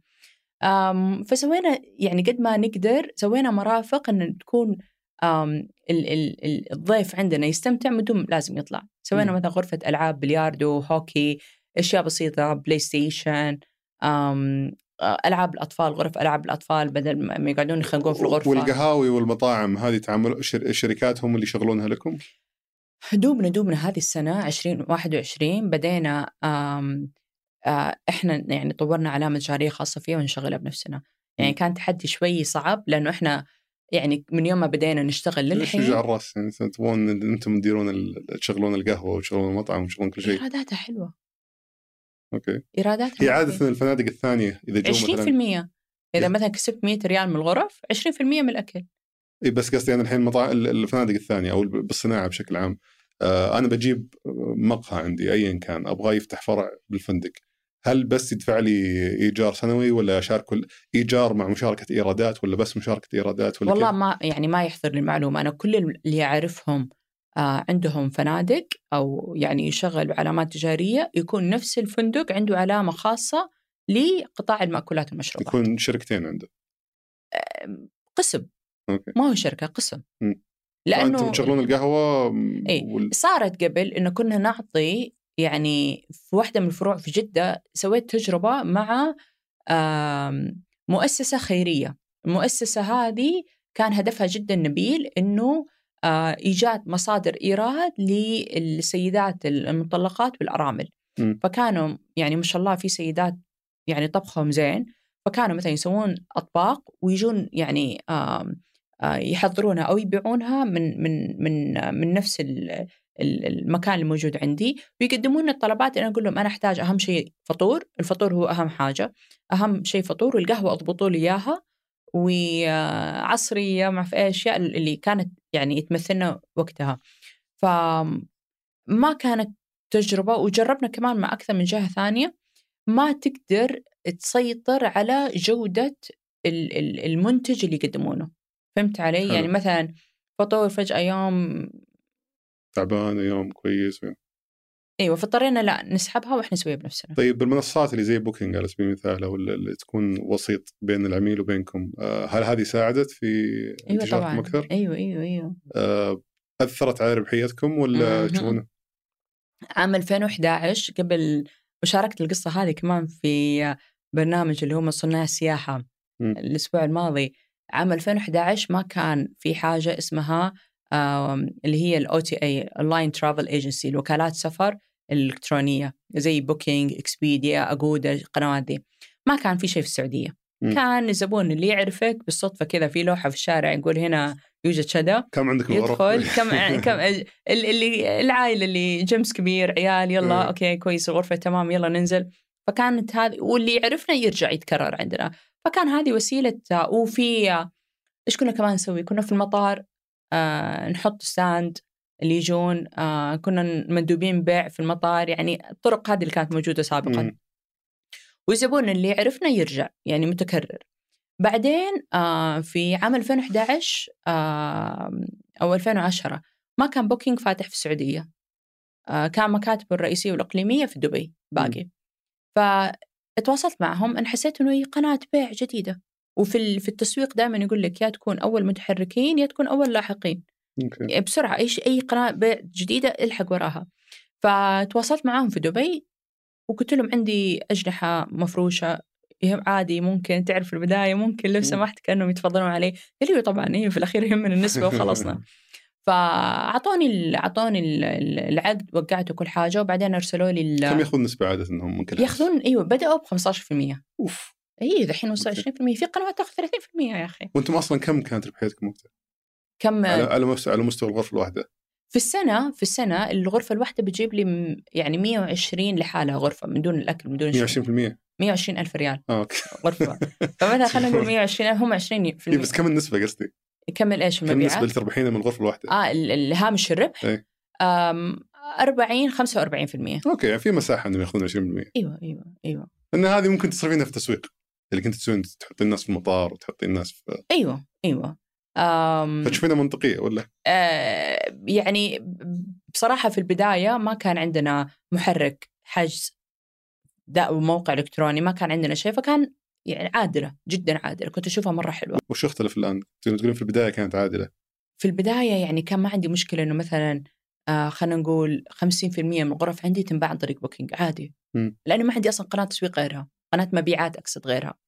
الحين لا صار عندي أكثر من قناة أو. Booking أو المواقع الشبيهة هذه الوسطاء يشترطون إنك تحجزين غرف لهم آه Booking لا بس في مواقع ثانية اللي هم يتعاملون بس مع شركات يشترط عليك حد أدنى لي زي ما قلت لك ال inventory للمخزون. بحيث إنه يوميا ما تنزل عن آه ثلاثة وحدات لازم تكون عندي معروضة okay إيه هذه هذا قنوات ما صرت أتعامل معها لانها صارت تسبب لي مشاكل في طيب وش اختلف في التعامل مع المنصات هذه؟ أنت تقولين كانت عادلة أول الحين ما هي اي الحين صار في قنوات بيع جديدة الحمد زي؟ لله يعني زي محرك الحجز المباشر. ال ال التسويق الإلكتروني آه، قنوات ثانية مثلا زي ال sales channel اللي هو ال- ال- آم، إدارة قنوات البيع برنامج عندك تسويه عندك يفتح لك كل قنوات البيع الإلكتروني ويحط لك ال- المخزون حقك عليه ويوزعها بينكم اتصور بعد يجيكم نسبة ناس من البحث مثلا في جوجل. إي طبعا. تحطون إعلانات في جوجل. في في ال- ال- الغير ال- المباشر في تقريبا أربع قنوات الحجز المباشر اللي هي التليفون الإنترنت ال- ال- الإيميل ال- ال- الموقع الإلكتروني محرك الحجز واللي هم باقي لا زالوا موجودين لليوم اللي هم walk-in اللي يجي كذا من عند الباب ويجي يحجز عندك ولازم يشوف. في زباين لازم يشوفون قبل ما يجون يحجزون. آه هذه المباشرة. وفي كمان عندك الشركات ال corporate لازم عندنا آم، مندوب مبيعات لا زال موجود اليوم يروح عند الشركات ويعطيهم العروض. آه، يروح مثلا عند وزارة ال ال- وزارات ال- اللي يسوين يسوون مثلا أنشطة مثلا زي وزارة ال- الرياضة مثلا عندها الفورمولا عندها ال- الأنشطة اللي زي كذا ويعرض يبيع عليهم غرف. يشكلون نسبة من يعني كبيرة من ال- المبيعات قطاع الشركات؟ الشركات تقريبا 10% مم. 10% آه طبعا 2020 سنة استثنائية فما بتكلم عنها بتكلم على قبل. إيه. آه، الوضع الطبيعي الطبيعي بجيك على الغير طبيعي. بس الوضع الطبيعي 20% 20% قنوات ال- ال- اللي هي آه اللي هي اللي يسمونها ال OTA اللي هي آه زي Booking.com Expedia و Agoda هذه 20% من مصادر الحجوزات. آه 50% مباشرين وهذا نحرص عليها ما تنزل 50% آه 10% من آه شركات ومن ال ال ال آه، في بعد من ال من ال المباشرين نقصد فيهم التليفون اللي اللي والايميلات يحجزون. عندكم مباشرة. مباشر. ال- ال booking engine محرك الحجز هذا مباشر بس نحط له نسبة لحاله. تقريبا لا زال 5 7% لا زال ضعيف. بس مفروض إنه يطلع شوي زيادة. جميل. آه ذكرت قبل شوي موضوع كورونا. دمر القطاع أتوقع فعلى الأقل لفترة معينة. توقف الشغل عندكم تماما. في فنادق لجأت من March. من March 2019 إلى متى؟ إلين موسم الصيف. آه، كيف قدرتوا جون، 30 تتاقلمون. مع تتأقلمون مع هذا اللي صار؟ أنا أشوف في فنادق مثلا زي الهيلتون على سبيل المثال إيه. آه، بدأوا يبيعون يشغلون المطعم حق الفندق بحيث إنهم يبيعون وجبات عن طريق تطبيقات التوصيل لأنها كانت من أوائل النشاطات اللي بدأت تشتغل لا ما كان يعني ما كان مؤسس المطاعم بحيث إنها تشتغل لحالها ما مم. كانت مؤسسة المقاهي إنها تشتغل لحالها عندكم قصدك لا إيه. آم وش في- سويتوا؟ في أحد الفروع تعاوننا مع مع وزارة الصحة آه الفروع الثانية آم صرنا نعطي خصم خاص تعاونتوا لي- بحيث إنه المرضى يقضون لا الحجر. الحجر إيه. الحجر. كان أكثر شيء اللي يجونا من بريطانيا اللي يجون يسكنون عندنا. إيه، في فروع الثانية خفضنا تكاليفنا قدر الإمكان. هو كانت من هول الصدمة ما عاد صار في رد فعل. آه بس الحمد لله قدرنا قدرنا يعني نتوازن سريعا. لأنه تكاليفنا الحمد لله منخفضة فقدرنا بسرعة ناخذ زمام الأمور. قلصنا تكاليفنا قد ما نقدر والدعم الحكومي ساعدنا كثير. آه بعض الفروع اللي كانت قريبة المستشفيات قدمنا عروض لأبطال الصحة فممرضات الدكاترة اللي ما كانوا يبغون يرجعون عند أولادهم في البيت كانوا يسكنون عندنا. كان مسموح إنهم يسكنون في فنادق أيوه أيوه. يعني عادي. آه في موظفين شركات اللي انحبسوا في السعودية ما عاد قدروا يرجعون كانوا كمان ساكنين لكن معدلات الاشغال كانت مرة ضعيفة يعني ما كانت تتجاوز في في الفروع الثانية اللي ما كانت تتعامل مع وزارة الصحة ما كانت تتجاوز 30%. متى بدأت تنفرج الأمور؟ ريكا... الريكفري من آه، من نهاية جون آه 2020 بدأ موسم آه، الصيف آه يوم طلعت أغنية عبد المجيد عبد الله. آه عيش أحلى لياليها. إلين الحمد لله كان موسم جدا قوي الحمد لله الين آه، نهاية الصيف كان عادة نهاية الصيف يمثل أو بدايه الترم الأول اللي هو أول سبتمبر بس عادة الزباين يقعدون عندنا زيادة أسبوعين مم. آه اللي عندهم أطفال صغار يعني آه نص سبتمبر الين ديسمبر لا نزلت كمان نزل نزل معدلات آه، بس. أنا أشوف الحين الناس يعني كانوا ولا زالوا مجبورين على السياحة الداخلية فهل هذا أثر في معدلات الإشغال ترى؟ ما ما هي يعني إذا جيت تشوف أنت معدلات السياحة الداخلية من عام 2007 2007 مم. إلى يومك هذا بتلاقي منحنى في زيادة فترى ما هو عشانهم مجبرين على السياحة الداخلية ولا هو عشان ما في خيار ثاني ولا يعني ولا شيء من الأشياء إي طبعا أيوه ما تقدر تسافر برا السعودية مم. لكن أعتقد ال- ال- الفضل الكبير بعد الله يعود إلى آه، هيئة السعودية للسياحة. يوم سوت branding للوجهات السياحية مثلا قبل كنت إذا قلت بروح الصيفية مثلا الطايف أو بروح الصيفية أبها آه إحنا رحنا لندن فهمت علي مم. النظرة الدونية الحين مثلا صارت زي العلا صارت شيء إيه. كول كذا آه، الناس مرة كول. اي اي زي ال- الشاي حليب صار كراك معقول ما أثر يعني الناس يبغون يسافرون أكيد إنه بيحتدون على على جدة ولا على الشرقية ولا على بيروحون المناطق الداخلية ما يروحون مكان ثاني. هذا ما يأثر ابدا؟ يعني انت تقولين النمو حق ال- ال- ال- القطاع هذا نفس ما هو ما تغير؟ بقول الحركة يعني بقول لك إنه ما هو كلها عشان الناس محبوسين. لأنه أصلا كان في حركة كان في ارتفاع السياحة إيه. الداخلية قبل كورونا من زمان آه كان في جهود أصلا تحفز السياحه أيوة، الداخلية حتى أيوة. لو الناس مو محبوسين يعني. لكن الجهود طبعا اللي سووها هيئة السياحة زا- ساعدت مرة بكثير مم. والناس إنه أيوه ما في ملجأ ثاني أو ما في متنفس ثاني وبعدين غير كذا لاحظ إنه صار في نفس ال- نفس السلوك الاستهلاكي شوي اختلف يعني مثلا كان عندك من الصيف للصيف تسافر تنبسط الحين لا تقدر weekend تروح العلا تتمشى صح.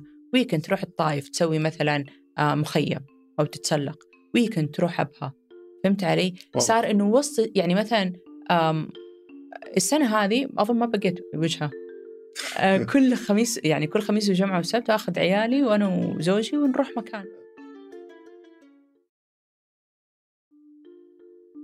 أنا بسالك عن نقطة إنه الآن بعد كورونا بعد ما تعافيتوا إيه. إلى حد ما بعد كورونا هل في دروس تعلمتوها أجبرتكم أنكم تغيرون طريقه طريقة تشغيل الفندق بشكل دائم؟ يعني قلت خلاص أيوه ما قبل كورونا غير ما بعد كورونا. عام 2018 حضرت آه، آه، ندوة استثمار في قطاع السياحي كانت في راس الخيمة وكان هذه الندوة حضرها العبار وحضرها يعني أنا كنت مذهولة من الناس اللي أنا جالسة قدامهم ألاقي مثلا رئيس تنفيذي عمليات تشغيلية مثلا في Marriott ولا Holiday Inn ولا Accor.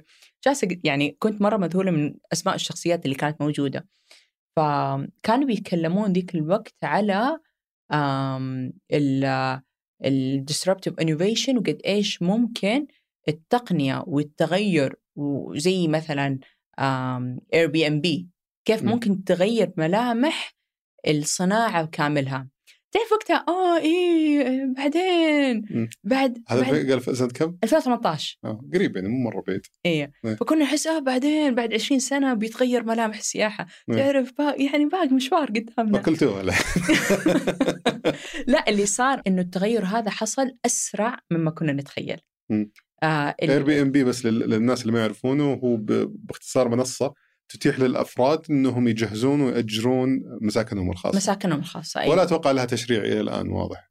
آه، أعتقد إلا المساكن الا الا إلا في حاجة زي في كذا رخصة قادر- الآن دل...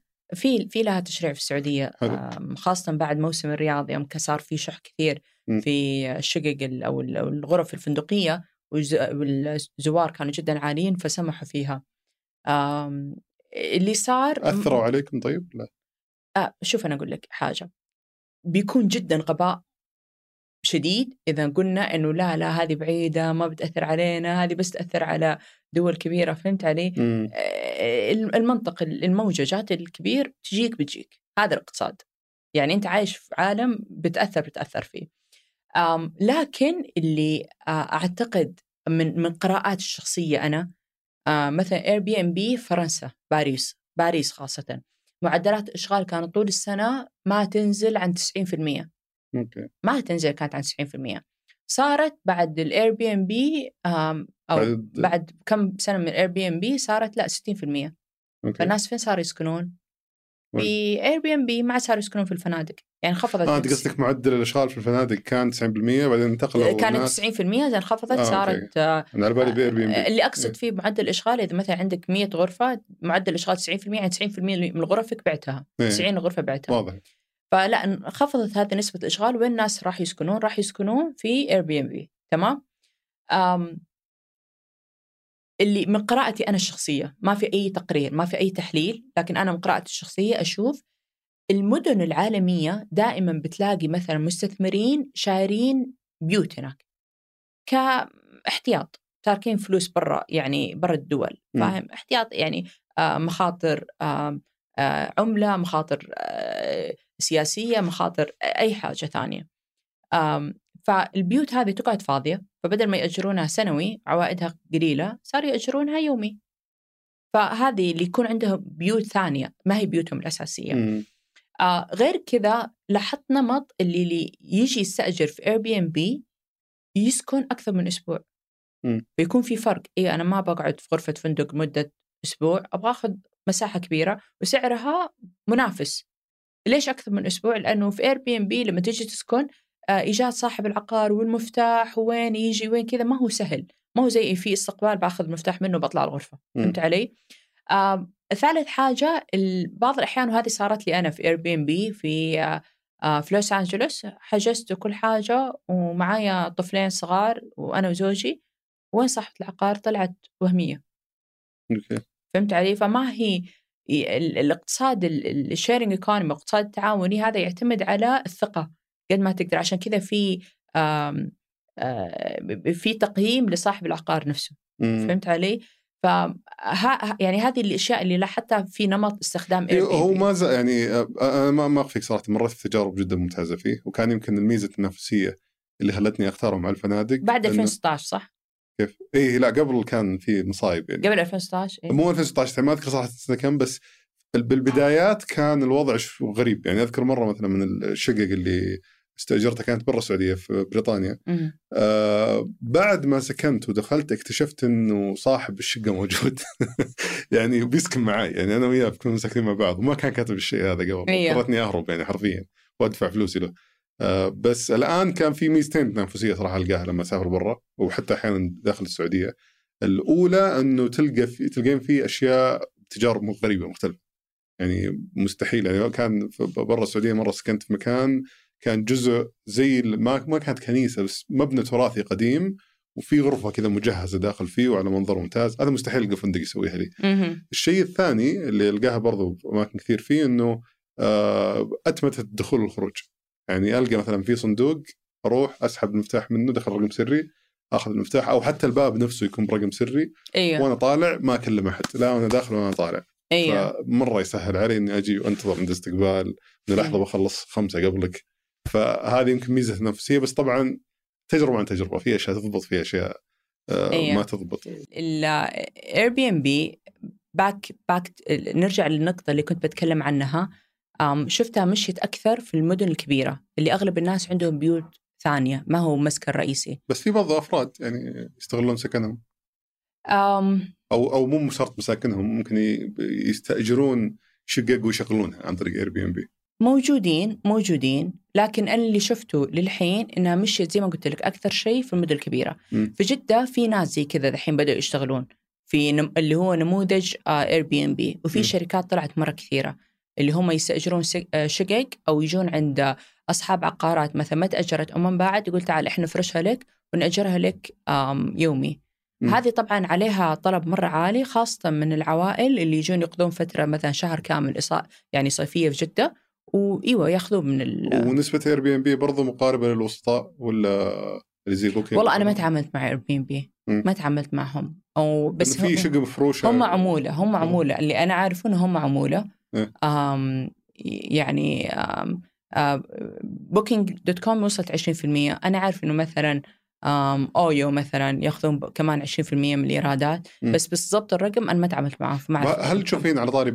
Airbnb والابتكار وما إلى ذلك هل تشوفين فيه في قطاع الضيافة فرص للشركات الناشئة أن تقدم حلول تقنية تحل أيوة المشاكل طبعاً. اللي عندكم؟ أيوه طبعا وش المشاكل اللي تحلها الشركات؟ قلت لك بعد يوم سألتني إيش أكثر شيء لاحظته بعد ال... بعد أزمة الكورونا في التشغيل مم. وهذه برضو تكلمت عنها في في صناع السياحة في هيئه السياحة آم حوالي 66% من الزبائن المستهلكين سلوك المستهلكين صار يجي لما يجي بيدفع يدفع أبل باي ويمشي ما. عاد حتى الكرت حقه يبي يطلعه وما عاد يبي يستخدم النقد في صح. جدة فوجدت إنه ال ال ال الحين أكثر من قبل التحول إلى ال contactless operation اللي يمنع الاحتكاك تماما سواء بالبشر أو سواء بالأسطح. قدرنا إحنا في جدة في واحدة من فروع شدا في جدة طبقنا اللي هو ال check-in kiosk اللي هو الجهاز تسجيل الدخول نفس ال boarding حق المطار مم. نفس ال boarding حق المطار باقي الناس مو مرة متعودة يستخدمونه اللي هو مو لازم استقبال مو لازم أحد ادخل انت بس كيف يدخل الغرفة؟ آه، يدخل بياناته ويحجز أو إذا عنده حجز سابق بس يدخل رقم الحجز ويختار مثلا الغرفة في أي دور يطلع ويطابق ويحط الهوية حقته عشان مربوط لازم مع شموس اللي هو النظام الأمني حق وزارة الداخلية. وبعدين خلاص يطلع له يدفع ويطلع له الكرت مباشرة آه يطلع طبعاً. الجهاز مباشرة. أيوه. أوكي. هذا طبقناها في فرع واحد للحين. بس إيش- وش المشكلة اللي حلها؟ اللي الوحي... الشيء الوحيد اللي ما كررناه في فروع ثانية إنه آه ال- ال- الجهاز مصدره ومنشأه أسبانيا.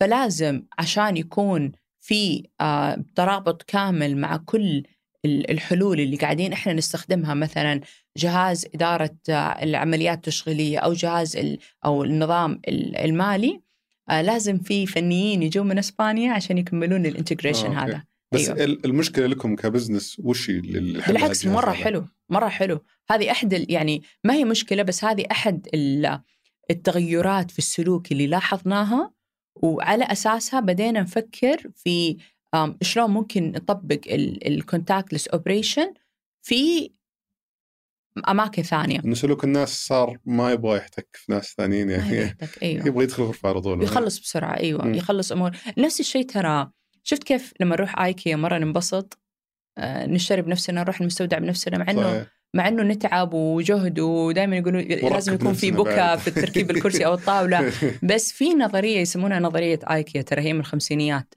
اللي يقول لك كل ما العميل بذل جهد لو مره بسيط إنه يحصل على ال- ال- ال- المنتج كل ما زاد ولاؤه لهالمنتج. فمثلا اللي إحنا قدرنا نسويه اليوم اليوم وكان لازم نجيب بسرعة حلول سريعة عشان نواكب هذا التغير في نمط السلوك. آه، سوينا self checkout ودفع ذاتي ل- آه، عندنا mini market بسيط. المنتجات لما تجي تسكن في اوتيل تحتاج شامبو تحتاج اشياء زي كذا فعندنا كل فرع عندنا mini market بسيط. فركبنا أجي تعاقدنا مع شركة اسمها كارتن جو آه، ركبت اللي هو ال- الخروج الذاتي والسداد الذاتي في هذه المرافق. آه، عندك في إنه واحد check-in- يشتري من السوبر ماركت بدون ما يكون في شخص أيوه أيوه أيوه. آه، عندنا في تسجيل الدخول سويناه ذاتي كمان. شو يمنع انه يجي ياخذ شيء ويمشي؟ في كاميرات. أوكي. في كاميرات. يعني شلون بتعرفين إنه انسرق شيء أصلا؟ والله شوف هي للحين outsource هي للحين إحنا معطين ال- الفتحات هذه ال mini market لأنه إحنا ما نبغى منها إيراد قد ما نبغى منها خدمة مم. للزبون. لأنه عادة الفندق لازم توفر أنت مو بس توفر مكان إقامة لازم توفر كل الخدمات اللي ممكن يحتاجها الضيف أو يحتاجها العائلة. فما يهمنا كثير إيراد منها قد ما يهمنا إنه خدمة و review كويس. آه، يعني الزبون يكتب عننا تعليق كويس بعد ما يطلع. فعملنا لها يعني من الباطن تعاقدنا من باطن مع هذه الشركة كارتن جو وهم المسؤولين عن آم، ال ال آه، يعبون ال ال ال ال الأرفف وهم مسؤولين عن إدارتهم لهذه المنصة. وهل ما زالت في مشاكل أو تحديات تواجهونها في التشغيل؟ ممكن شركات تقنية تساهم في حلها؟ أيوه طبعا. إيوه طبعا. أنا اليوم قاعدة أشتغل مع شركة آه تابعة ل HP للحلول. ما هي HP نفسها هي subsidiary ل HP شوف هذه من الأشياء اللي كان مرة يعاب عليها صناعة الضيافة إنها جدا متخلفة مقارنة بالفنادق بالطيران. فمثلا الطيران أنت تسوي كل شيء بنفسك. أنت تحجز مكانك الكرسي حقك وين مكانه تبغاه في الطيارة. أنت check your bag تحط شنطتك كم تبغى شنطة ثنتين ثلاثة. آه تجي تحطها بنفسك. حتى زمان ال- الجهاز ال- ال- ال boarding حتى الناس ما صاروا يستخدمونه. صار. كل شيء من جوال. كل حاجة كل ال- النقاط ال- الولاء الفرسان كله من جوال. ما عاد صرت تحتاج أي شيء. الضيافة الحين حتى لو booking الحين ترجع وأخرني على المصعد لو سمحت. أيوه ويطول. وتقعد توقف عند الاستقبال وعيالك يتعبون يبون يطلعون الغرفة وهم باقي مم. تدفع واصبر فهمت علي؟ ففي مناطق مرة كثيرة. بس أعطيني أمثلة عليها على أساس الناس اللي يبغون مثلا يبدون شركات شوف جديدة. اللي سويناه دحين إنه رجعنا رسمنا. تعرف كيف بعض الأحيان مثلا كيف كانت المصانع يوم كانت تشتغل على الفحم وكيف لما تحولت على الكهرباء. مو بس إنه مثلا هنا شيل مكان طاقة وبأدله مكان طاقة لا العملية كلها تختلف ال- الرحلة كلها تختلف أصلا. مم. فهمت علي؟ مثلا في نشاطات ممكن تتلغي تماما ما عاد تحتاجها خلاص عندك حلها فاللي سويناه الحين إنه رسمنا خطه للعميل من يوم هو في بيته آه رحلة العميل من يوم هو في بيته إلين آه يسجل خروجه من عندنا. وإيش إيش الأشياء اللي يحتاجها وإيش الحلول اللي لو حطيناها له خلاص يعني ما عاد يحتاج يكلم أحد ويسكب نفسه فمثلا عندك من ال- ال- المحرك الحجز آه، نضيف خانة إضافية إنه يقدر يختار مكان غرفته تمام مم. خانة إضافية إنه يرفق يرفق ال- الهوية الخاصة فيه عشان مطابقتها مع النظام الأمني شموس مم. آه، خانة إضافية لإنه لا بعد تأكيد الحجز والسداد يتم إرسال الكود حق دخول الغرف. دحين كل ال hardware اللي هي الأب- مفاتيح الأبواب الغرف تدخل يعني تقدر تعملها scan من الجوال. لكن للحين ما في النظام اللي يدعم هل يعني في الجهاز موجود لكن النظام التقني ما هو موجود. آه، scan code يرسل لك على جوالك عشان تقدر تدخل الغرفة من جوالك على طول. ما تكلم أحد في الاستقبال على هذا طول ما في تدخل. مو موجود الآن. الحلول موجودة في صناعات أخرى. أوكي. يعني مثلا خلينا نقول لك آه مثلا الطيران موجودة إيه، بس أنا أنا الحين بسوي شركة تقنية تخدم قطاع الضيافة وأطلع منها فلوس إيه وين المشكلة اللي تشوفين المفروض اللي أكبر مشكلة تدور حل هناك على الأقل من تجربتكم يعني يعني بالنسبة لي أنا بالنسبة م. لي أنا لما جينا شفنا الرحلة كاملة وجدنا إنه أغلب التكاليف أغلب التكاليف الناس يدفعون فين؟ أي قطاع خدمات يندفع في رواتب. الرواتب هذه ثابتة. ليش ثابتة؟ لأنها تعاقدات سنوية. تمام؟ فلو خلينا نفترض لو شلنا الاستقبال تماما. مم. الاستقبال بالنسبة لي أنا ما يعني لي كثير. لكن مثلا يعني لي تجربة بعد ما أسكن. وأخذت التكلفة ذي واستثمرتها في مكان ثاني. سويت تجربة مثلا زي بدل السينما سويت شيء إضافي. مم. تجربة داخل بعد تسجيل الدخول. أوكي سويت مثلا مساحات مشتركة. سويت آه، اخترعت شيء تجربة جديدة بض- بتكون لها قيمة إضافية للضيف أكثر من الاستقبال. مم. فهمت علي؟ فهذا اللي يوم قلت لك إنه مو بس نستبدل ال ال ال ال ال ال الاحتياجات بأنظمة تقنية، لا نستبدل رحله كاملة. إعادة قراءة الرحلة كاملة. وهذه ترى بدأت فيها شركات مرة كثيرة، يعني مثلا هيلتون بدأت فيها من على على حد علمي بدأت فيها من عام 2017 إنه هم عارفين كانوا الترند اللي جاي في السوق، عارفين التحول، فكانوا حابين يسبقون يشوفون إيش في أشياء ممكن تغير رحلة عميل أو تطوره. هل تشوفين نفسكم في منافسة مع هلتون ومع شركات الفنادق الكبيرة ولا ولا أنتم رايحين في اتجاه لحالكم؟ آه، شوف اللي اللي اللي يوم جينا إحنا أول شيء نحدد ال- المنتج بعد عام 2016 يوم رجعنا وبدينا كذا رجعنا بنظرة آم يعني آه كنا كنا في أمريكا ورجعنا fresh perspective يعني نظرة كانت آه جديدة. قلنا خلينا نعرف أو أو خلينا نعرف من هو زبوننا إيش المنتج اللي بنطوره؟ أوكي إحنا الحين قاعدين نطور فنادق الحمد لله بالبركة قاعد تمشي أمورها. طيب إيش المنتج بالضبط؟ إيش المنتج اللي من جد الناس في هذا الاقتصاد يحتاجونه؟ تمام؟ وجدنا إنه آم، برضو نرجع على الاقتصاد والأمور المالية لأنه هذه بالنسبة لي كذا عقلي يشتغل. بس ودي تختصرين فيها لأن عندي برضه موضوع ثاني بدي اغطيه okay. فهل أنتم مثلا شفتوا إنه نوع العميل اللي يستهدفونه غير اللي يستهدفوا يستهدفوا الفنادق الكبيرة ولا اللي يستثمر أو اللي يسكن تقصد؟ لا أنا قصدي كمنافسة الآن. آه، أي اللي يسكن. هل شفتوا ان أنتم تستهدفونه غير اللي اللي يبغى يروح أصلا للهيلتون؟ على سبيل المثال. أو إنكم تتنافسون بشكل مباشر في الأشياء اللي تقدمونها. اليوم. الإجمالي الناتج المحلي اقتصاديا للفرد السعودي حوالي 80 ل 90 ألف ريال. تجي تقسمها على كل فرد في في على أيام يعني الشهري متوسط إيراد الفرد نتكلم 8000 7000 ريال هذه الأرقام. هذا بنتكلم عن الأغلبية. طبعا في ناس ربي فتح عليهم ورزقهم يقدرون يسكنون في الهيلتون ويقدرون يسكنون في الماريوت الله يقويهم. بس بنتكلم على شعب كامل. المنتجات اللي معروضة في السوق أعلى من طاقته قدرته الإنفاق. فأنتم تنافسون على السعر. أنا نفس على السعر. بتقديم قيمة كبيرة مقابل سعر أيوة. جيد. أنا, أنا أشوف قد إيش قدرته في عادة في دراسة تنشر سنويا اللي قد إيش متوسط إنفاق الفرد في المنتجات. فمثلا أعرف قديش يصرف على سيارة قديش يصرف على المأكولات قديش يصرف على المطاعم.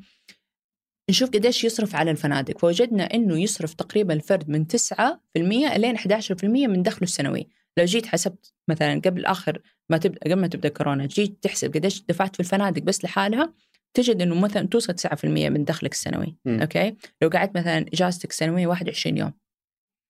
أخذنا 21 في اليوم هذه. كم مقدرتك تدفع okay 9% كم على قسمة ال 21 يوم وجدنا انه الطاقة القدرة الشرائية للفرد الواحد ما تتجاوز في الليلة الواحدة 400 ريال. م. طبعا يختلف إذا الزوج والزوجة يشتغلون ممكن هذا يدفع أكثر تمام؟ أم فوقتها بدينا نسوي المنتجات بناء على هذا ال هذا ال هذا الشريحة المستهدفة. اللي يصير بعض الأحيان في المستثمرين اليوم ترى مو كل المستثمرين اللي يدخلون هذا القطاع يبغون والله إيراداته بس في مستثمرين يبغون وجاهة. م. أنا عندي هيلتون. أنا تعاملت مع الهيلتون. فيصير مثلا أعطيك مرة مثال بسيط. مثلا DoubleTree يعتبر هو أقل من الهيلتون. تجي تلاقيه هنا كأنه أعلى من الهيلتون. فهمت علي؟ فبعض المستثمرين يبغون شيء أعلى عشان يمثل كياناتهم. فتلاقيهم معيار الربحية ما هو المعيار الوحيد. فهمت؟ فعادي ما عنده مشكلة يدفع أكثر لكن هو عنده أكثر من غرض هذا الاستثمار مو بس إيرادات مالية. تمام. أه ودي بس أختم بآخر موضوع اللي هو موضوع الاستحواذ أيوه. اللي مريت فيه سابقا. ودي بس بشكل سريع لأنه ما شاء الله القصة طويلة. واللي عرفت انك قاعد توثقينها حاليا آه يعني ذاتيا ذاتيا ذاتيا ذاتيا لأنه الواحد لازم لازم يبدأ يوثق مراحل المراحل خلينا نقول المفصليه في حياته أنا ودي بس أعرف مين اللي استحوذ عليكم؟ ليش استحوذوا عليكم؟ وش الأثر اللي صار بعد الاستحواذ؟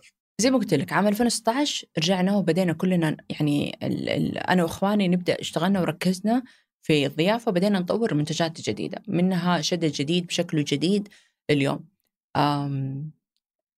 وقتها زي ما قلت لك كان في جهد مرة كثير نحطه في هذه الشركة فكنا نبغى نضمن استمراريتها ونضمن وسيلة للنمو عشان تغطي احتياجاتنا. نبغى رواتب نبغى مستوى معيشة معين نبغى هالأمور كلها لأنه كنا مكرسين طول كل وقتنا لها. يعني ما رحنا دورنا على وظائف ثانية ولا أي حاجة ثانية. فوقتها كان الوسيلة الوحيدة إنك تروح تطرح أسهمك.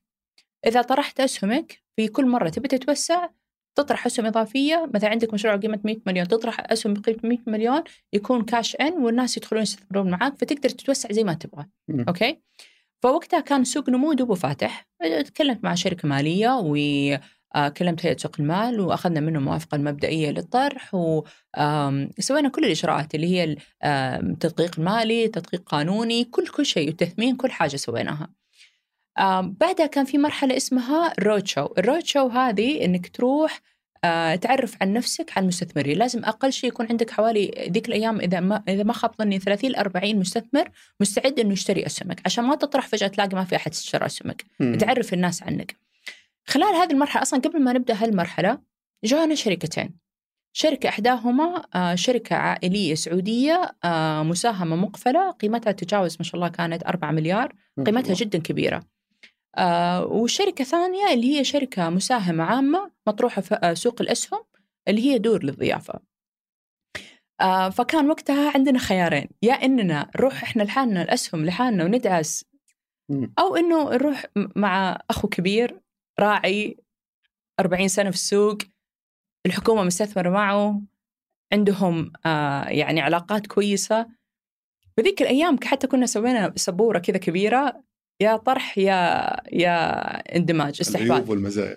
واكتب عيوب ومزايا والله صدق وكنت حاطتها ونكتبها. يعني كانت شوف إحنا تقريبا ثا- ثاني جيل فما عندنا يعني ما إحنا من ما يعني ما ما اخذنا هالتجارب من قبل. بالنسبة لنا هذه التجارب و...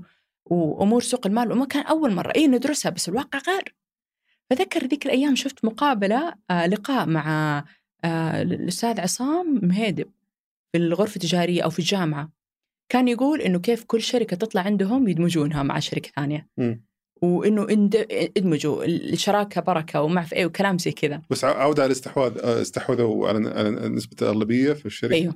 بعدها خلاص قررنا إنه نخلي السوق لحاله. كان سوق النمو دوبه بادئ وما كنا نبغى نكون من أول الداخلين. تعرف التغيرات اللي ممكن تجي كثير ممكن يكون في ضحايا. وش كيف ساعدكم الاستحواذ في إنكم تكبرون؟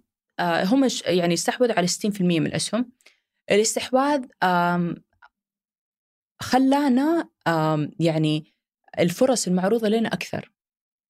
يعني أبسط مثال اتفاقية الاستحواذ هذه طلعت في كل الجرائد. في أكثر من ثلي- 30 جريدة محلية واقتصادية. الناس كلها كفائدة على ال business نفسه يعني كيف است- استفدتوا منه؟ شوف هو كان كان في كان عندنا ال- ال- الشيء الوحيد اللي طول في آه، مرحلة التفاوض على الاستحواذ قعدت سنة تقريبا. إحنا كنا دائما نسألهم السؤال ماذا بعد الاستحواذ؟ إيش الخطة الاستراتيجية؟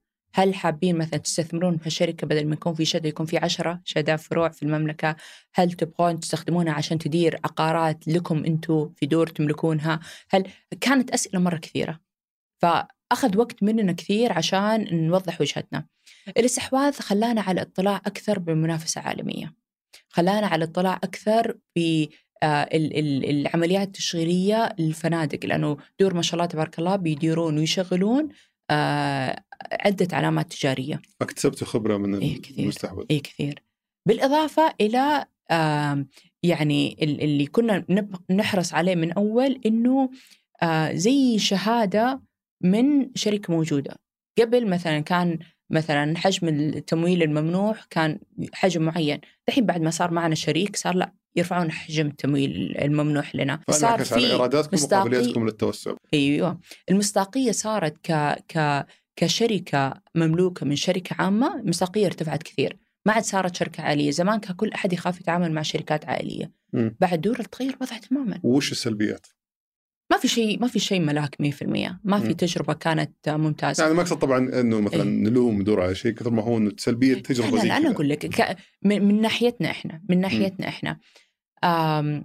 اللي احترمته احترمته مرة كثير إنهم حافظوا على ال ecosystem حافظوا على العمل زي ما هو. فمثلا من الاشتراطات حقتهم في اتفاقية الاستحواذ إنه خلي الطاقم الإداري زي ما هو لا تغيرون شيء. فهمت علي؟ ما تغيروا ما ما غيروا حاجة. آم، حافظوا على كل شيء زي ما هو. بس اللي صارت بس في اجتماعات مجلس إدارة أربع مرات سنويا وصار في تقارير مجالس إدارة. بس السلب في هل في سلبيات من هالنوع من ال... السلبيات إحنا داخليا إحنا داخليا فقدتوا مم. السيطرة على ال... لا مو مو مو حكاية فقدنا السيطرة. مم. كانت تجربة جديدة. تجربة جديدة. تعرف اللي أنت تدير بيتك تدير كل شيء بنفسك فالحين صار في أحد يدير الخوف. مم. كان في خوف مرة عالي في البداية. وأكيد أكيد هم لاحظوا أكيد. هم لاحظوا. كان في خوف مثلا آه يلا يا جماعة نتفق على نظام الأساس. لا لا لا اصبروا اصبروا. جيبوا محامي جيبوا لا أنتم شركة مساهمة عامة ممكن ترى. يعني في مخاطر اللي هي دايلوجن اللي ممكن هم يشترون الاسهم وينفقون في الأخير نطلع إحنا ب 1% ونطلع من الشركة. فكان هذا مرة خوف كبير عندنا حتى مع اتفاقية الاستحواذ الأساسية وصحيح إذا غلطان بس السيطرة انتقلت لهم بالقرارات وكل أيوه شيء أيوه عندهم. أيوه أيوه, أيوة. شيء طبيعي يعني هم شركة مساهمة عامه ما خوفكم حسسكم؟ لا لا يبغون يحافظون على سيطرة أعمالهم. يعني مقابل شركة عائلية شركة عائلية تعرف مشاكل شركات عائلية إيش ممكن تصير؟ يعني ممكن يجي الثاني أو الثالث في التوارث في الأمور هذه تحصل مشاكل يوقف أعمال التشغيلية. فهم يبغون يتأكدون الأعمال التشغيلية بتستمر زي ما هي. فترى في البداية كانوا يقولون 51% مم. بعدين المفاوضات راحت جت وصل 60% حلو. أم، ها ال- ال- هذا الشيء السلبي الوحيد اللي إحنا من طرفنا كنا مرة متخوفين. الين دحين دوبنا بعد دحين كملنا سنتين دوبنا الحمد لله صار في آه خلينا نقول آه هارموني كويس. صار في تجانس في الأفكار كويس. صار عرفنا شغلهم شلون آليتهم. مثلا قبل كانوا يطلبون منا أشياء آه إيش تقصدون؟ إيش في؟ لا نعم. الحين صرنا نعرف إنه هذا جزء من الحوكمة شيء طبيعي. فهذا ال ال ال ال السلبيات إحنا علينا ذاتيا تعرف لما مجال عمل جديد التأقلم مع طريقة العمل أيوة. الجديدة هذا اللي أخذ مننا وقت أخذ حلو. سنتين والحمد لله اليوم يعني صار العمل معهم جدا أسهل آه سؤال نختم فيه كالعادة. مع, مع جميع ضيوفنا لو بيرجع فيك الوقت إلى أول يوم مسكتي فيه شدة. صرتي فيه الرئيس التنفيذية بنفس الخبرة وبنفس المعلومات اللي عندك حاليا وش الأشياء اللي, اللي بتجنبينها أو اللي بتسوينها؟ اللي بتجنبها.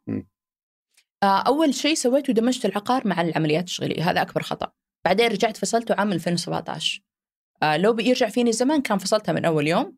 لو يرجع فيني الزمن كان استثمرت من أول يوم في البراند والعلامة التجارية وقنوات التسويق وقنوات المبيعات. هذه مرة كان لها قيمة إضافية رهيبة في العمل.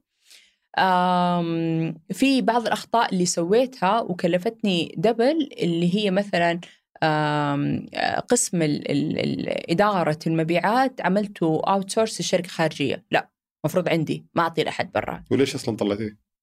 لأنه كان عندي تعرف لما يكون عندك عشرة ثغرات مفتوحة مم. تبى تركز في ثغرة واحدة تبى تقفل الباقية مم. ركز في الأعمال الرئيسية بعدين فبعد ما خلصنا العمليات الأساسية و- وثبتنا آه، ال- ال- الكتيب سياسات وإجراءات ووضحناه ووثقنا كل شيء بعدها بديت الق- القنوات الثانية يعني للحين إحنا ترى لا زال في تطوير مستمر. زي ما قلت لك قسم المأكولات والمشروبات لازلنا دومنا للحين اللي بدينا نركز وسوينا له علامة تجاريه وبدينا نغير فيه.